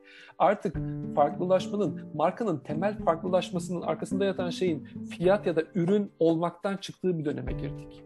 E, deneyim, müşteri deneyimi artık üçüncü farklılaştırıcı unsur olarak karşımıza çıkıyor. O yüzden deneyime odaklanmamız gereken bir dönem var. Özellikle B2B dünyada. B2C'deki personayı B2B'de yapmak mantıklı mı sorusu var. Kesinlikle. Yani Barış sordu bunu. E, kesinlikle. Bakın arkadaşlar deneyim insan demek. E, ister B2B'de iş yapın, ister B2C'de iş yapın. B2B'yi de motive eden veya hasta eden ona gerçekten acı ve kazanç veren unsurlar bir insan olarak neyi istiyor, ne istemiyor Öteki tarafta B2C'de de aynı şey geçerli. Yani B2B ve B2C'de hiçbir şekilde çok güzel head to head eder. Human to human. Ama tabii yapay zeka geliyor Yasemin. Yani bir taraftan human to human da olmayacak bir yerden sonra. Evet bir yerden sonra öğrenen sistemler geliyor. Evet onlardan da biraz bahsetmek lazım. Şimdi yapay zeka destekli sistemler var dünyada e, gerçekten. E, ve burada biz yeni teknolojik araçlar görüyoruz arkadaşlar. E, mesela botlar yardımıyla tekrarlı işler çok var. Biz de kullanıyoruz pek çok bot yaptığımız B2B pazarlama faaliyetine e, baktığınız zaman. Human to human like dedi. Bak bu, bilmiyordum. Çok güzel oldu. Human to human like kavramı varmış. Şimdi yapay zeka aslında içerik üretirken bile e, related content üretebiliyor. E, yani bunun ne anlama geldiğini bir e, öğrenmek istiyorsanız Netflix'te size yönelik kontentlerin ne kadar e, kişiselleştirdiğine bakmanız yeterli. Tabii ki internet orada, orada bir zeka var değil mi? O zeka gerçekten bizim için çok önemli. Tahminleme modelleri bence çok B2B pazarlamayı ayrıştıracak olan şeylerden bir tanesi. Yani tahminleme modelleri çok fazla göreceğiz. E, aslında prediktif analiz diye geçen bir yapı var ama ben preskriptif preskriptif modellerin geldiğini düşünüyorum. Şimdi ne demek? Prediktifte tahminliyorum. Preskriptifte senaryolaştırıyorum. E, işte o senaryoya e, dayalı yaptığımız şeyler, yani preskriptif yapılarda yaptığımız şeyler bence yapay zeka getiriyor beraber. Yani yapay zeka o ilişkiyi kuruyor, senaryolar yardımıyla hareket ediyor. E, bunun çok korkunç seviyelere geleceğini düşünüyorum yakın zamanda. Ve şu anda pazarlama dünyası gerçekten full otomasyona doğru gitmeye başladı. Ve burada e, veriye dayalı pek çok analizler var ama en hoşuma giden şey potansiyel alıcı e, analiz potansiyel alıcı analizleri diye e, bunu e, raporlayan nefis araçlar var. Zaten bu araçları B2C kullanıyor bu arada. B2C çok iyi kullandığı için siz bir şey mesela arıyorsunuz. Hatta bir şey konuşuyorsunuz. Hemen onunla ilgili içerikler pat önünüze düşmeye başlıyor. Yani biraz işler e, teknolojik araçlarla desteklenmesi lazım.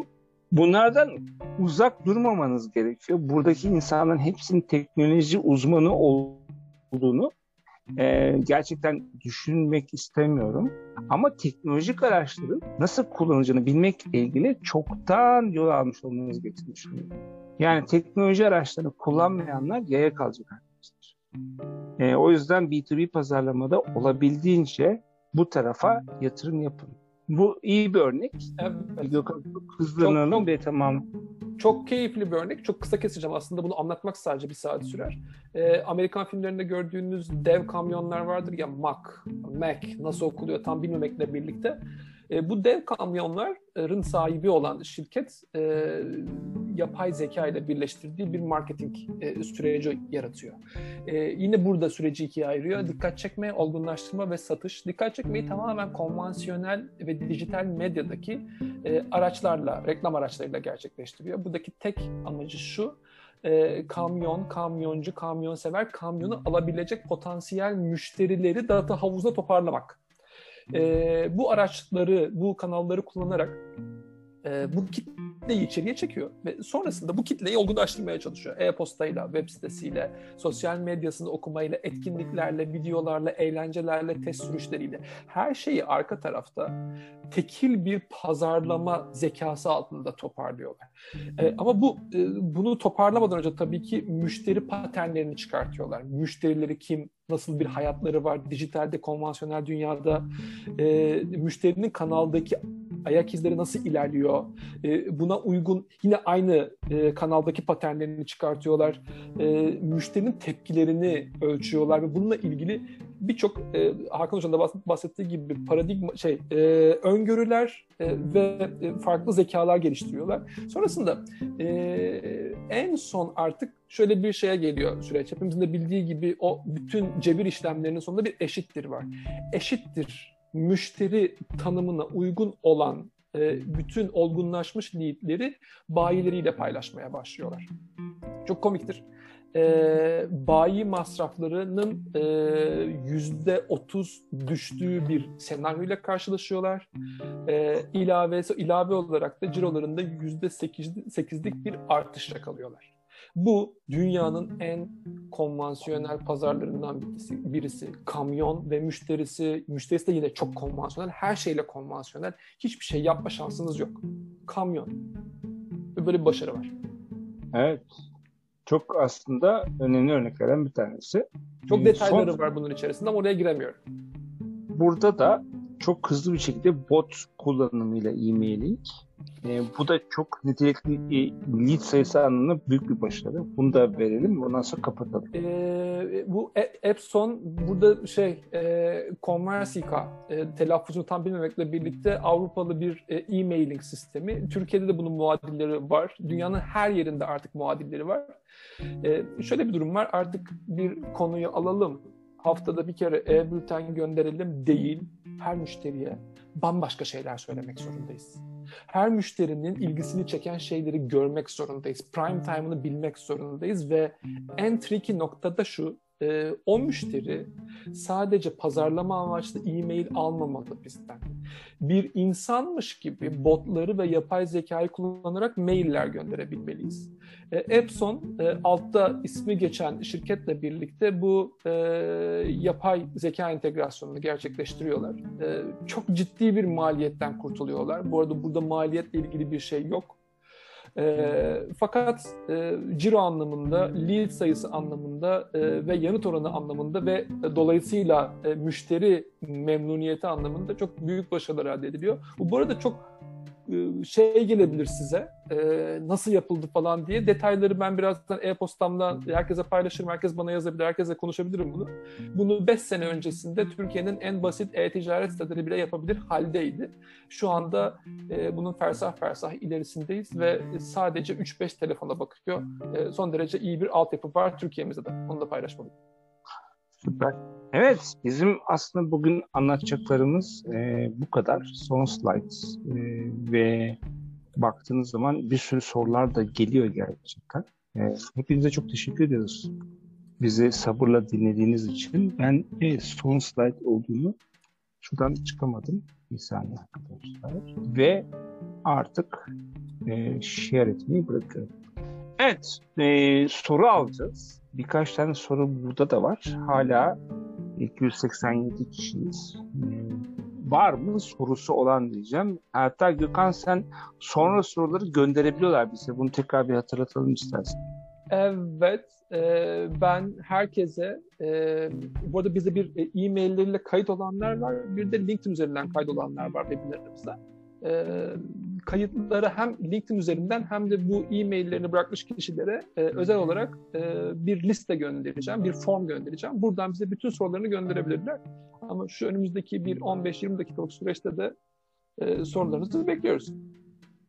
Evet sorusu olanlar varsa arkadaşlar e, cevaplandırabiliriz. Eğer sorularınızı bir şekilde e, e-mail ile atarsanız onları da dahil edeceğiz. Yani buradaki sunumu da e, bundan sonraki aşamadaki cevapları da içine koyabileceğiniz bir e, e-book yapacağız. E, ve bu e-bookla ilgili de size e, ulaşacağız. Ve bunların hepsini Gökhan koordine edecek arkadaşlar. Evet, sorusu olan var mı? Burada özellikle şu anda ben bu soruyu sorayım demek isteyen var mı? Her şeyi bu kadar iyi anlatmış olamayız. İlla kafalarda ben bir şeyler olmalı. Mikrofon mu açıp soruyoruz? Duyuyoruz Yok. sizi. Kahvetedarik.com Özge Hanım. Yok gelmedi. Başka bir şey oldu. Evet arkadaşlar. Şimdi soru yoksa e, tabii e, güzel gerçekten bir taraftan bizim için e, çok iyi anlaşıldı anlamına gelebilir. Hiçbir şey anlaşılmadı anlamına geliyor. Ben bu akşam çok iyi değil. Ben sorabilirim, devam edebilirim dilerseniz. Tabii ki hemen. Buyurunuz. E, bugün görüştüğüm bir firmadan aldığım bilgiyi paylaşmıştım az önce size. E-maillerin açılma oranının e, pandemi döneminde özellikle yüzde birin altına düştüğünü çünkü e, şu anda e, kişiler bazında e, günlük ortalama 200 e-mail ulaştığını söylemişlerdi. E, siz de bunu e, B2C'de olduğunu söylediniz. B2B'de yüzde 30'lara biz ulaşıyoruz, 35'lere ulaşıyoruz diye belirttiniz. E, burada başarılı bir oran var mı? Yani kaça ulaştığımız başarılıyız e, diyebiliriz ve B2B ile B2C arasında böyle derin bir e, farklılığın sebebini öğrenebilir miyim? Teşekkür ederim. Okey, şahane. Özgür Hanım güzel bir soru. Şimdi ben benim taraftaki cevabı vereyim öncelikle. Bir defa B2C'de herkes deli gibi e, spam üretiyor şu anda. Yani çaresizlik içinde kime ulaşsalar e, aslında kardır diye sanarak kalitesiz ve gerçekten incelenmemiş olan bir veriye ve kalitesiz bir içerikle gidiyorlar. Bence B2C'de de arttırılabilir şey.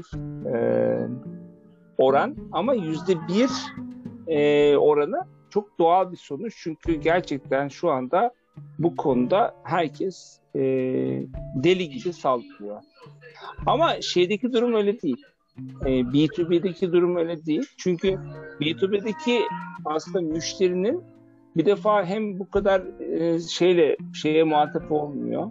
Bu kadar içeriye muhatap olmuyor.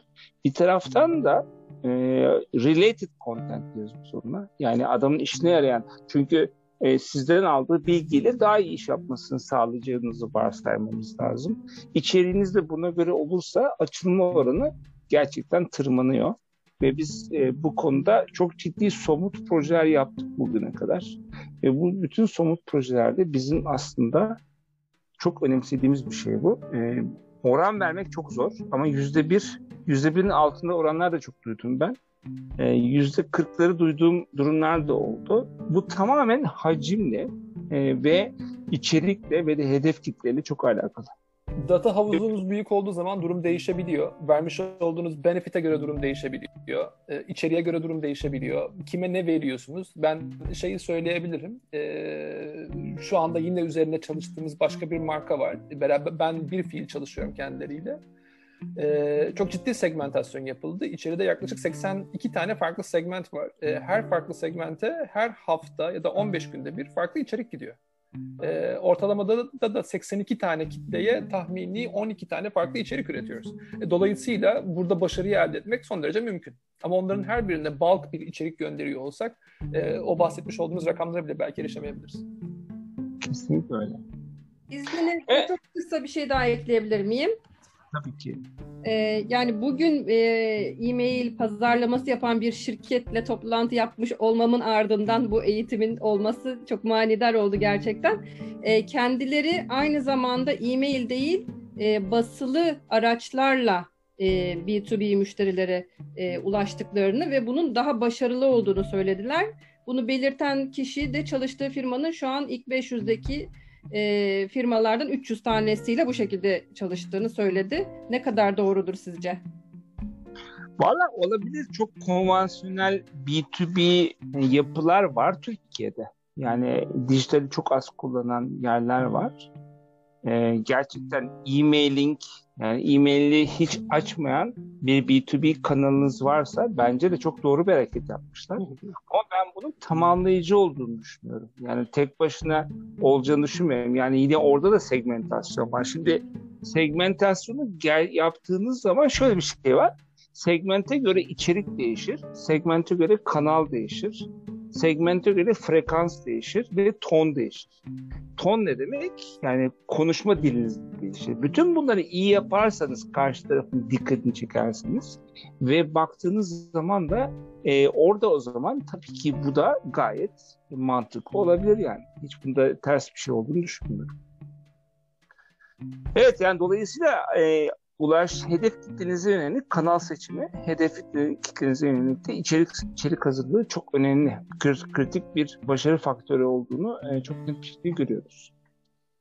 Evet, B2C büyürken B2B'yi nasıl koruyacağız diyor. Yani koruyamayacaksınız. Bayiler kendilerini koruyacak. E, servis ekonomisi büyüyor arkadaşlar. Yani böyle çok net söyleyeyim. Katma değerli olmayan bir B2B kanalı sırf ürün satan bir B2B kanalının e, gerçekten varlığını sürdürmesi çok kolay olmayacak. Yani bunu artık anlamak lazım.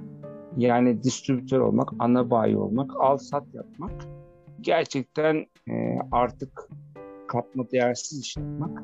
Servis olmayan bir modeli işletmeye çalışmak bence intihar. Dolayısıyla e, bayilerinize öğreteceğiniz tek bir şey var. Onların katma değer sağlamasını sağlamanız. Yani katma değere odaklanmasını sağlamanız gerekiyor. Daha bugün öyle bir e, şirketle uzun bir toplantı vardı. Çok basit bir şey var yani. Onlar katma değer sağlayacak, siz de katma değer sağlayacaksınız. Toplamda ürettiğiniz katma değer büyürse sistem ayakta kalacak. Evet. Evren Bey. Evet. Bir soru var mı? Alalım. Evren Özden. Özden. Evet alalım soruyu. Enver özür dilerim. Evren diyor. Affedersiniz. Hocam önce çok teşekkür ediyorum. ee, gerçekten çok faydalandım. Şimdi bizim şöyle bir durum var. Tabii e, şimdi biz B2B e, pazarında yeni e, bir anda kurma çalışmalarımızı falan tamamlıyoruz. E, yakında piyasaya çıkacağımız bir şirketimiz var. Şimdi biz e, tabii bu e, bahsettiğimiz e, yani şey değil ben buna biraz daha e, yeni pazarlama yöntemleri daha modern özellikle Covid etkisiyle biraz daha e, biraz önce bahsettiğiniz gibi e, etkinleşen dijital yöntemlerle e, e, e, çalışmak istiyoruz. Fakat bizim tabii böyle bir yol haritası gibi bir şeye ihtiyacımız var. Fakat hani e, şeyde danışmanlık konusunda da çalışmak istiyoruz ancak hani e, bu tür danışmanlıklar özellikle yeni kurulan firmalar için çok hani maliyetleri yüksek oluyor. E, şu anda hani biz e, mümkün olduğu kadar bir yandan danışmanlık alarak bir yandan da e, kendimiz e, bir şeyler öğrenerek yapıyoruz. E, bu konuda mesela e, yani çok doğru bir şekilde buna başlamak istiyoruz tabii ve de ilerletmek istiyoruz. Baştan bunu entegre etmek istiyoruz. Ee, bunu e, entegrasyonu konusunda e, bir yol yol haritası e, çizmek konusunda nasıl bir yol izleyebiliriz acaba?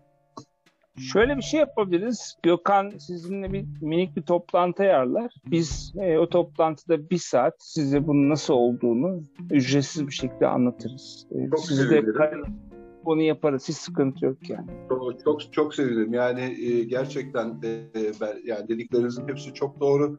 E, e, ve biz de gerçekten en başından itibaren e, bu şekilde e, o şeyi entegre edip e, o şekilde gitmek istiyoruz ama dediğim gibi yani hani böyle sıkıntılar var. Baştan hani nasıl diyeyim biraz bulanık suda balık alıyoruz gibiyiz. Çok sevinirim. Tabii bunu yapalım. Çünkü ben size çok... mailimi gönderdim. Lütfen bana oradan yazın. Tabii ben çok teşekkür ederim. Çok teşekkür ediyorum. Şimdi bazı sorular geliyor. Yani Şeyma bir soru soruyor. Şeyma Hanım alalım. Buyurunuz. Merhabalar, iyi akşamlar herkese. öncelikle çok teşekkür ederim. Ee, sesim geliyor mu acaba? Gayet. Ee, süper. Ya ben size e, bir soru sormak istiyordum. E, ben tercümanlık mezunuyum. Şu anda bir şirkette ihracat bölümünde, pazarlama bölümünde çalışıyorum. Hani e, bilmediğim bir sektör aslında. Yani hiç düşünmediğim, hayal dahi etmediğim bir alanda işe başladım. E, bu B2B, e, B2B konusunda e, müşterilere ilk mail atarken, tanıtım maillerini atarken ve sonrasındaki süreçlerde dikkat etmem gereken e, önemli noktalar var mıdır? Yani internetten her gün e, öğrenmeye çalışıyorum kendimi geliştirebilmek adına ama hani belki sizin de eklemek istediğiniz birkaç bir şey vardır diye sormak isterim. Valla şimdi e, uzay teknolojisi sorusu sordun. Yani bir anda öyle anlatılacak bir şey değil ama şunu çok Evet. net e, yani e-mail atarak bir müşterinin dikkatini çekmek e, sizinle çalışmak istiyoruz da e, gidilmeyeceğini demin anlattık. Yani Evet. boşa gider. O e-mailler boşa gider ama daha kötüsünü söyleyeyim kredi kaybedersiniz.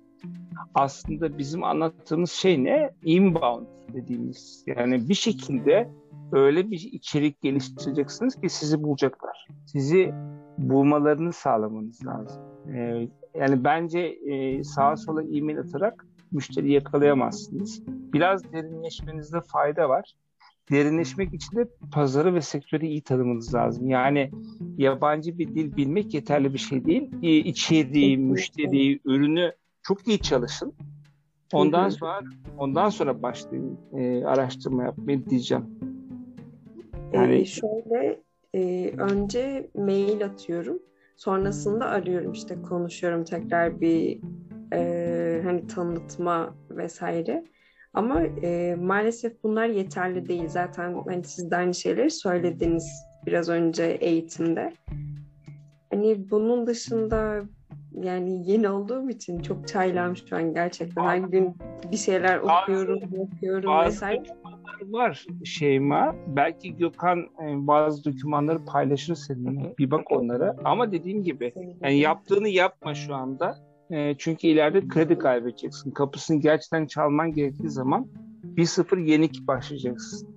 Yani önüne geleni iş yapmak istiyorum demek çok e, hiç yapmadığımız bir şey. Okey arkadaşlar. Evet Ümit Akgün. Son iki kişi alalım. Ümit Akgün ve. Püz. Evet Ümit Akgün. Merhaba hocam, Hakan hocam teşekkürler. Gökhan hocam size de teşekkürler. Ee, size şu konuda ben danışmak istiyorum. Şimdi PPC elbette sürdürülebilir değil. Sürekli para ödeyerek, reklam harcayarak bunu bunu yıllarca devam ettiremeyeceğimizi biliyoruz. Fakat kendi sektörüm adına konuşayım. Biz hem B2C hem B2B çalışıyoruz. Ve 50 büyük kelimede e, ben öyle adlandırıyorum. E, Evet. En kafa kelimelerde e, pazar yerleri isimlerini tahmin edeceğiniz korkunç harcamalarla beraber bütün görünürlüğün, hacmin %65'ini kadarını tahmini e, olarak kaplıyorlar. Şimdi bu bununla alakalı ne düşünüyorsunuz? Evet bu sürdürülebilir değil fakat bir taraftan da korkunç bir reklam harcaması var. Elbette biz e, en tepede e, her kelimede gözükmek gibi bir kaygımız yok. Sizin de anlattığınız stratejilerin kimilerini biz de yani burada müşterilerimizi bilgilendirmek, bayilerimizi bilgilendirmek ama bir taraftan da belli başlı ürünlerde, kelimelerde e, görünür ve bilinir en üst sıralarda olmamız gerekiyor. Bu, bu konuda ne düşünüyorsunuz? Bunu ben merak ediyorum. Teşekkür ederim. Okey. Şimdi B2C'de iş çok zor. Ben bu pazar yerlerine otoban diyorum Ümit. Otoban bunlar. Biz de patikadayız yani. O kadar hacim var ki orada. Tabii ki hem pazarlama gücü çok yüksek. Yani B2C'de bence yani bir PPC ile bir şeyleri yakalamak çok kolay bir şey değil. Hocam B2 bir iki ek yapabilir miyim? Trendyol Tabii. reklama çıktığı gün e, Google tıklama başına birim maliyetlerde %25 pahalı hale geliyor. Tabii. Böyle bir dünyada yarışmak mümkün değil. mümkün değil. Orada çok büyük hacimler var. Ben rakamları biliyorum çünkü. Yani şöyle söyleyeyim. Black Friday'in bir tanesinde hepsi burada çöktüğünde 300 bine yakın basket hazırdı ve satın alma butonuna basmak için bekliyordu. 300 bin. Ne demek biliyor musunuz? Bir ilçe, değil mi? Bir ilçe aşağı yukarı Türkiye'de. Hepsini kapının önüne koymuşsunuz ve ürün almak için bekliyor. Otoban arası. Ama B2B'de ümit durumu öyle değil. O yüzden e, B2B'de gidecek çok yol var. B2B'deki rekabet de daha az ama daha önemli bir şey var tabii. B2B'deki müşteri ne aradığını çok iyi biliyor. Yani B2B'de e, aslında jenerik kelimelerden ziyade daha dikeyde e, uzman kelimeleri oynamak bence çok mantıklı. Yani ürünün genel bir kelimesi değil, ürünün bir alt detayında, servisin bir alt detayındaki bir şeyi bence gündeme getirmek lazım gibi bir durum var Ümit. O yüzden sana kolaylıklar dileyeceğim. Çok orası zor bir alan. Evet, Bazen de Truebat'ı kullanmanız gerekiyor. Birçok yöntem var. Ümit Bey bana yazın lütfen. Elimden gelen yardım yapmaya hazırım size. Evet, Çok çok teşekkür ederim. Yani aslında bizim tabii ki B2C tarafı aynen Hakan Hocam'ın dediği gibi orada korkunç şeyler dönüyor. Gökhan Bey sizin de dediğiniz gibi. Ee, benim tam aslında anlatmaya çalıştığım şu. E, B2B tarafındaki görünür olmayışımız da müşterileri bazen etkile, etkileyebiliyor. Hani bir üründe e, lidersinizdir veya öyle olduğunuzu iddia ediyorsunuzdur. B2B, B2B tarafta da iyi bir iletişiminiz vardır ama sizi bir Google'ladıklarında kimi zaman bazı reklamlarınızın görünürlüğünü, frekanslığını karşılaştırdıkları zaman derler ki ya evet doğru söylüyorlar söylüyorlar gibi ama pek de görünür değiller gibi. Yani o o tarafa yansıması aslında benim daha ziyade endişem. Ee, büyük oranda da aslında açıkladınız e, gibi o tarafı. Aslında yani bayinizi eğiteceksiniz bu konuda. Yani e, dediğim gibi bayileri belki eğitmek lazım bazı konular ama şöyle bir şey var tabii. Otobanda mal satmak daha kolay değil mi? Yani otobanda ürün satmak daha kolay. Çok müşteri var çünkü. O yüzden de eğer çok niş ürün yapmıyorsanız evet pazar yerlerinde olmanız lazım. Pazar yerlerinde olunca da rekabeti güveni kuruyorsunuz. Üzgünüm yani. Evet Selda haklı. İlk Selda soru sormak istemiş. Selda'yı alacağız, Püzmez'i alacağız ve Content Form diye bir arkadaşımız var. Selda ne haber? Çok teşekkür ederim, çok sağ olun. Ee, sunum için ve eğitim için de çok teşekkürler. Ee, benim yaklaşık 15 yıllık bir tecrübem var ama hep B2C'deydim. Şu an 6 e, aydır B2B'deyim. Çok güzeldi benim için o yüzden çok teşekkürler. Ee, iki sorum olacak. Aslında bir tanesi şu. Şu an B2B'de online filo kiralama ile ilgili bir ürün yönetiyorum. Ve fakat hani şu an henüz filo kiralamada hem fiyat alma alışkanlığı ile ilgili hem de e, aracı teslim alma ve o bütün süreçlerle ilgili alışkanlık henüz online'a dönüşmüş değil. Yani çok orada satış yöneticisi bağımlı bir davranış var. E, ve bizim de şu anda karşılaştığımız satışı yaparken müşterilerde karşılaştığımızda şöyle bir ihtiyaç var. Ben mutlaka işte biriyle konuşmak istiyorum. Mutlaka birinin bana mail atmasını istiyorum diyor ama biz o müşterilerin aslında online e, davranışa yönlendirmeye çalışıyoruz. E, buradaki yöntem bir süre hibrit yapıyla gidip müşterilere bunları bir süreç içerisinde online öğreterek ilerlemek midir? Yoksa ürün e, kesin ve net stratejisi olan online ile ilerleyip müşteriyi bunu aslında zorlayarak onun içine alabildiği müşterilerle yoluna mı devam etmelidir? Şimdi benim en sevmediğim modeller mixed modeller onu söyleyeyim. Yani onu da yaparım, bunu da yaparım. Çok sevdiğim bir şey değil. Çünkü maliyet yapım çok bozuluyor hani o işi yapmaya kalkıyorsun pahalı oluyorsun. Bu işi yapmaya kalkıyorsun verimli olmuyorsun. Gerçekten ben çok enteresan bir durum var orada Selda ama ben olsam ne yapardım? Ben karar verirdim. Derdim ki benim hedefim sadece online yeteneği yüksek olan müşteriler ama ben bunlara benzersiz bir deneyim tasarlayacağım ve bu benzersiz deneyimi de en rekabetçi fiyatla vereceğim derdim. Çünkü benim maliyet yapım ona göre kolay olacaktı. Ve ben oraya giderdim. Ha bu online yapıyı kullanamayan müşteri derdim ki tamam benim müşterim değil üzgünüm derdim. Yani Anladım. bunun en iyi örneğini enpara.com yaptı Türkiye'de. Yani o, şimdi enpara.com'da e, memnun olan bir müşteri var. Hiçbir şey bir şeyle onunla çalışmayacak olan müşteri var. Enpara.com'da çok umurunda değil yani bir noktadan sonra. Çünkü deneyimini çok iyi etkilediği müşteri kitlesi zaten onlarla gelmiş durumda. Ben senin olsam B2C know-how'umu alırdım. Sadece dijitalden muhteşem bir deneyimle, rekabetçi fiyatlarla buna e, responsif olan yani buna cevap veren hedef kitleydiler sevgili Sevda. Hmm. Çok teşekkür ederim. İkinci bir sorum, o da küçük bir soru olacak. Ee, ben aynı zamanda B2C'de çok fazla churn management yaptım. Çok retention üzerine odaklı çalıştım çok data odaklı çalıştım. Çok da sadakat programı dolayısıyla aynı çalışmıştım. Fakat B2B'de e, sadakat programı örneğini göremedim. Yani aslında çok fazla fiyat endeksinin, çok fazla fiyat ekseninde dönüyor müşteriyle olan iletişimimiz. Müşteri sürekli bizi fiyatlarla aldığı tekliflerle çarpıştırıp en ucuzuna doğru gitmeye çalışıyor. Bir noktadan sonra eğer ürettiğiniz bir ürünle farklılaşamıyor ve hizmet veriyorsanız herkes belli tedarikçilerden aldığı hizmetin üzerine bir kar marjı koyup bunu ben daha iyi sunuyorum diye anlatmaya çalışıyor. Tabii orada deneyim olarak farklılaşabildiğimiz yerler var. E, tedarikçi bağımlı olarak farklılaşamadığımız noktalar var.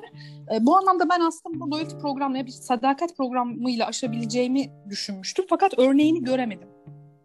Çok ee... örnek var ama hepsi hepsi bir zaman sonra ölüyor. Hmm.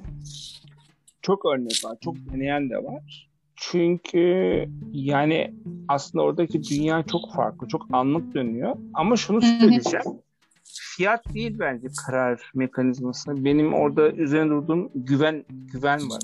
Yani B2B'de B2B'de güven var ve ben şunu iddia edebilirim. Bir bayin sana şu fiyata alıyorum diyorsa aslında şunu söylüyor Selda. Ben bu ben senden almak istiyorum aslında. Hı hı. Ama sen de bu fiyatı vermelisin diyor. Şimdi bu ne demek? Evet. Bir price premium ödeyecek sana. Yani x, x bir kuruş fazla ödemeye hazır. Kaç kuruş fazla ödemeye hazır? Onu bulmaya çalış. Anladım. Ama işte fiyatta rekabet etmek gerçekten bazı sektörlerde zor. Çok teşekkür Hayır, ediyorum. Çok sağ olun. Ne diyorum? Fiyatta rekabet etme diyorum. Bir yerden sonra orada bir fark var. O fark aslında göze almış o. Çünkü Hı-hı. zaten daha ucuz olanı gidip alacak. Ama diyor ki sana orada Hı-hı. ucuzu var ama aslında ben sana güvenirim. Öteki tarafa evet. güvenmiyorum. Tabii işte orada da mesela atıyorum bir şirket belki 500 lira farkı okeyken ama 1000 lira 1500 lira farkı okey olamıyor. Ben o 500 liraya inebilir miyim konusunda elim biraz sıkı. 500'e inme işte. Belki 700 kurtaracak diyorum ben de. Ama orada da, oradaki o price premium'u öğrenmen lazım. Çalışman Anladım. lazım. Tamam. Çok teşekkür ederim. Çok sağ olun. Evet. E, Püzmez seni çok e, üzdük. E, Estağfurullah. Merhabalar Pınar ben, Pınar Üzmez. memnun oldum. ee, öncelikle çok memnun oldum. Çok ilham verici, aynı zamanda çok keyifliydi. Ee, hızlı hızlı hatta notlar alarak hiçbir şeyi kaçırmak istemeyerek takip ettim. Teşekkür ederiz tekrardan. Ee, ben de uzun süre satış tarafında yani B2C tarafında tam sıcak satışta çalıştım. E, sektöründe öncü bir firmamızda. E, şu anda da aynı firmada e, pazarlama yani ürün yönetimi tarafından şu anda tamamen dijital kanal bende, dijital satış kanalları. Şimdi burada aslında e, şu noktada takılıyorum hocam. Yani marka bilinirliği tamamız. E, özellikle müşterilerimize eğitim ve ürün yönetiminde doğru fiyat konumlandırma, müşteriye özel e, muamele diyeyim tabiri caizse. Tabii. E, orası da tamam. Fakat ben bunu böyle birazcık geleneksel yöntemler diye adlandırıyorum. Yani müşterilerimiz özellikle B2C tarafında temas ettiğimiz son müşteri e, ciddi anlamda o geleneksel yüz yüze yöntemler, e, alışılmış ticari yönteme e, meyilli. Şimdi biz bu pandemiyle birlikte online platformu e, gündeme getirdik, e, akselere ettik diyeyim. E, fakat bu noktada müşterimizin geleneksel yaklaşımından kurtulamıyoruz diyebilirim. Yani biz yine e, satışçılar aracılığıyla, satışçı arkadaşlarımız aracılığıyla biraz daha o ticari ilişkilerimizi kullanarak müşterilerimizi online tarafa çekerek şu anda canlandırıyoruz o kanalı. E, ve aynı şekilde fiyat odağı çok yüksek e, hani ürün kalitesi ve pazardaki konum olarak e, zaten iyi bir noktadayız ama bundan dolayı da e, ortaya çıkan fiyat ve rekabette bizi olumsuz etkileyen noktada e, ister istemez yine fiyatı kullanarak hareket etmek zorunda kalıyoruz. Evet segmentlere ve müşterilere özel kampanya e, ama bu online kanalın getirdiği artıları hani müşterilerimize dokundurmak noktasında sıkıntı çektiğimize inanıyorum. Hani burada aslında deneyimlerinizi merak ediyorum. Yani nasıl bir yol önerirsiniz? Yani hani online, online'in bize getirdiği artılar. Hani bunları her fırsatta webinarlarla özellikle e, çok sık müşterilerle e, iletişimdeyiz. E, gerekirse yüz yüze iletişim de kurmaya çalışıyoruz. Ama bu fiyat ve alışılmış kampanya noktasından bir adım öte ülkeye gitme kısmında ne önerirsiniz diyeyim. Şimdi çok güzel. Pınar aslında çok güzel bir şey söyledi. Pınar şu şöyle bir cevap vermekte fayda var. Online online'a çok geçiş yaptık biz. Yani B2B'de sahada çok güçlü olan bazı şirketleri online'da sipariş verme özendirmek için çok yöntem kullandık. Ama bu yöntem deliniyorsa yani ortaya konan şey. Mesela şöyle bir şöyle bir şey yaptığını varsayalım. Online sipariş verenler işte ekstra yüzde üç kazanacak, yüzde beş kazanacak gibi. Evet, Bak, aynen. ama sen bunu yapıyorsun ya online'da bunu artış yapmak için. Sahada hala devam eden konvansiyonel adam çıkıp diyor ki bak çok ciddi bir satışçı psikolojisi var. Abi diyor boş ver oraya diyor. Ben sana diyor onu diyor kompanse ederim başka bir şekilde oluyor. Yani aslında sahadaki adam senin belini kırıyor. Böyle bir şey var aslında.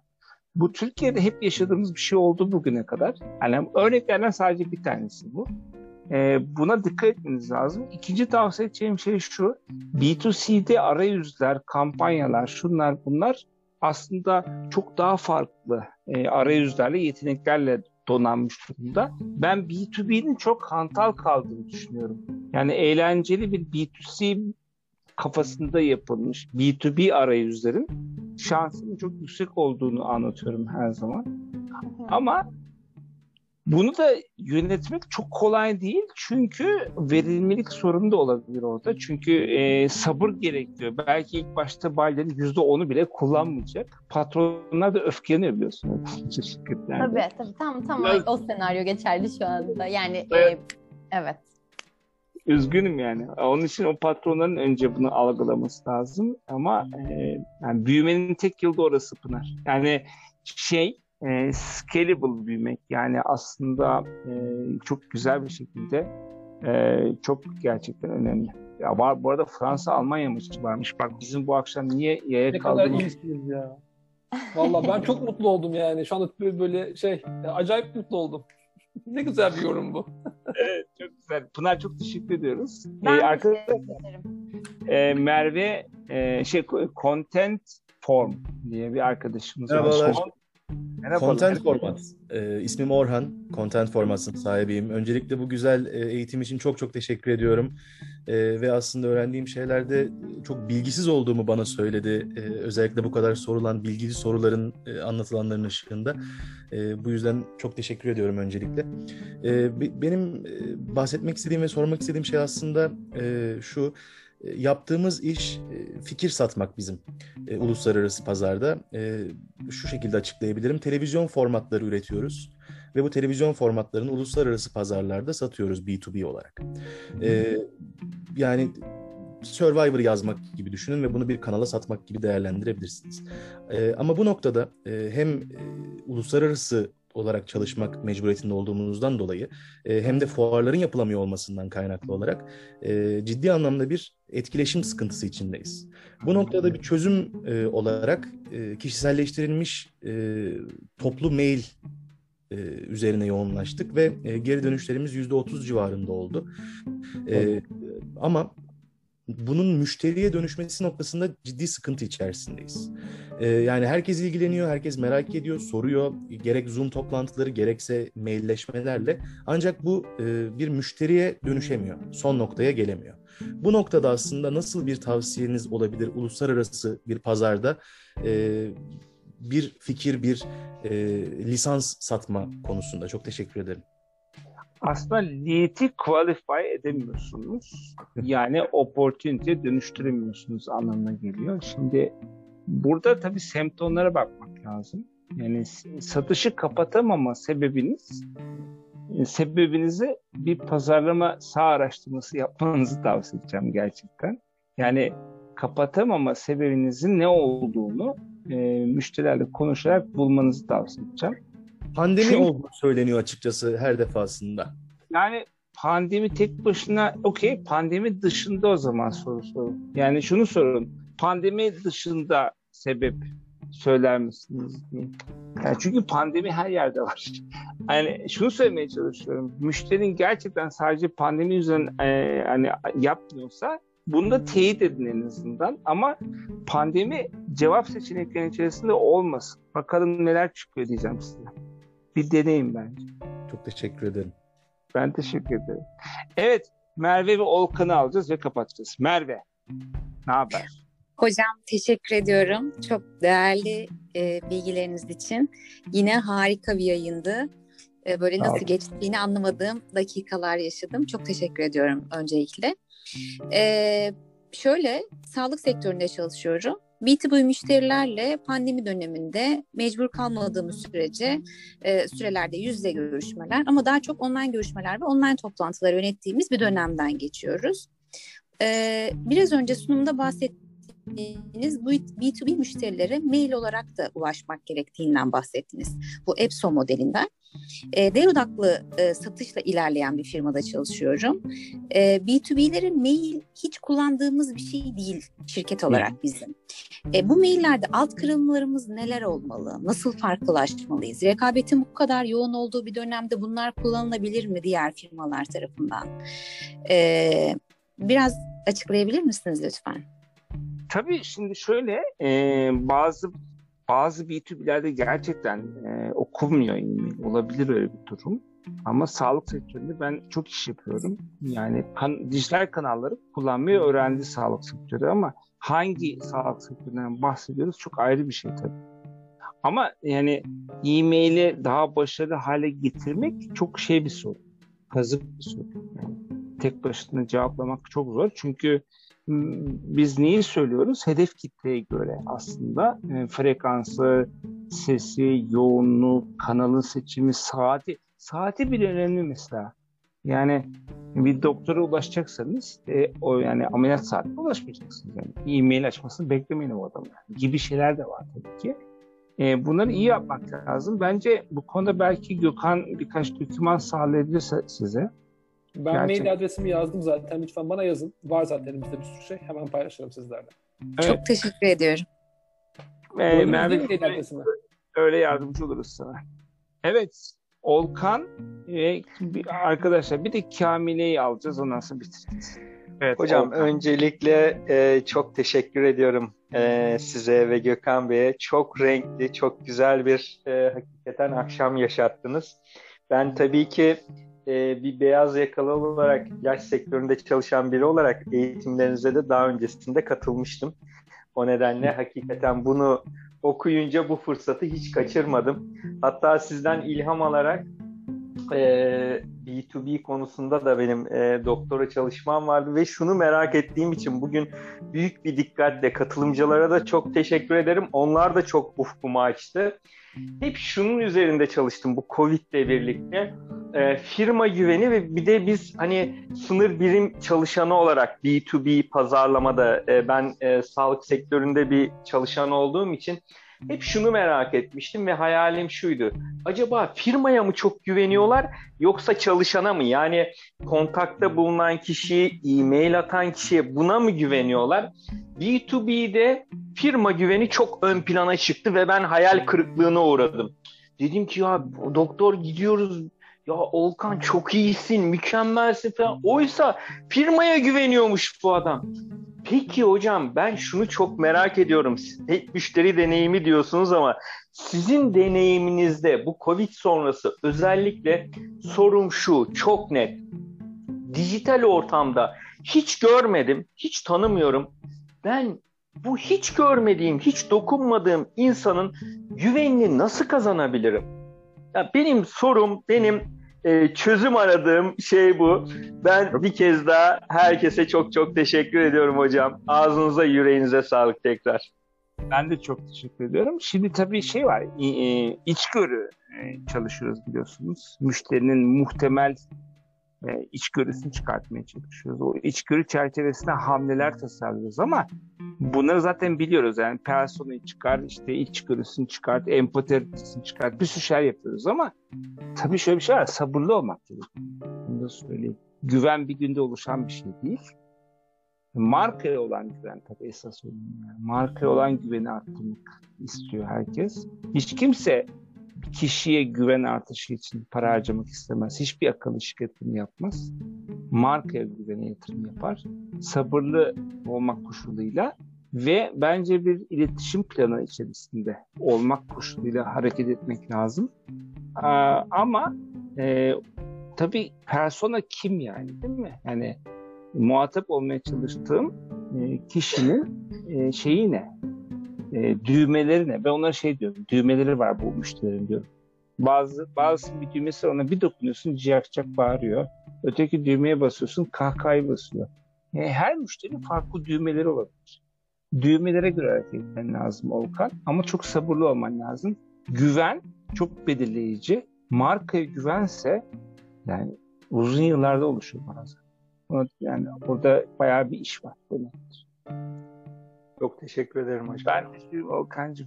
Kamil'e final seninle yapıyoruz. Az solist olun bu akşam. Merhabalar hocam öncelikle. Ee, öncelikle sunumlarınız ve çalışmalarınız için çok teşekkür ederim. Ben galiba biraz burada çok genç kalıyorum çünkü ben e, pandemi döneminde kurumsal satış tarafında bulunmuş biriyim. Daha çok genç ve çok başındayım. Benim sorum biraz geleceğe yönelik olacak öncelikle. B2B pazarlama uygulamasının e, yeni kuşak için, yeni kuşağın satın alma e, davranışlarına uyumlu olduğunu düşünüyor musunuz? B2B'deki yeni kuşak Hayır, şu anki yeni kuşak yani Z kuşağından biraz daha bahsediyorum. Okey. Yani şimdi şöyle B2B'de e, yani çalışan yeni nesiller var. Bir de B2C'de hareket eden müşteri olan B2C'ler var. E, ortak özellikleri var bunların bir sürü. Ama B2B'deki yeni nesiller dijitali çok iyi kullanıyor. Yani birçok yerde çok iyi kullanıyor. E, onların önündeki engel öncekiler oluyor. Yani bir önceki nesil e, kafası basmadığı için bazen engel yok. ya bunu biz bazen söylüyoruz ama yani öyle dememek lazım bence. Neden biliyor musunuz? Eski kuşak yeni kuşağa bu pandemi sürecinde uyum sağlamak zorunda kaldı. Evet evet. Ama bak ne diyorum kafa e, kafaları basmıyor aslında ama şimdi öğrenmek zorunda kaldılar. Fakat hala söyleyeyim mi? Çok dikkatli olacaklar. Yani kolay kolay risk aldırmazlar o yeni nesillere. Çünkü haksız da değiller. O yeni nesiller pek çok şey biliyor ama işin bir de gereği var değil mi? Yani sadece dijital kanalda yürümüyor işler. Ürünün e, aslında bir baktığınız zaman dijital kanallardan erişim sadece araçlardan bir tanesi. Onun için orada çok gidilecek bir yol var ama pandemi çok yardımcı oldu. Çok yeni nesil B2B şirketleri göreceğiz yakın zamanda. Yani heyecanlıyım ben bu tarafta. Ee, bence faydasını görecekler. Sen de faydasını görürsün ama sana da şiddetli tavsiyem fiziksel satıştan e, biraz daha dijital satışa kendi yatırım yapmanda fayda görüyorum. Kesinlikle ben de öyle düşünüyorum. Ee, bu yüzden bu e, sunumuza katılmak istedim ben.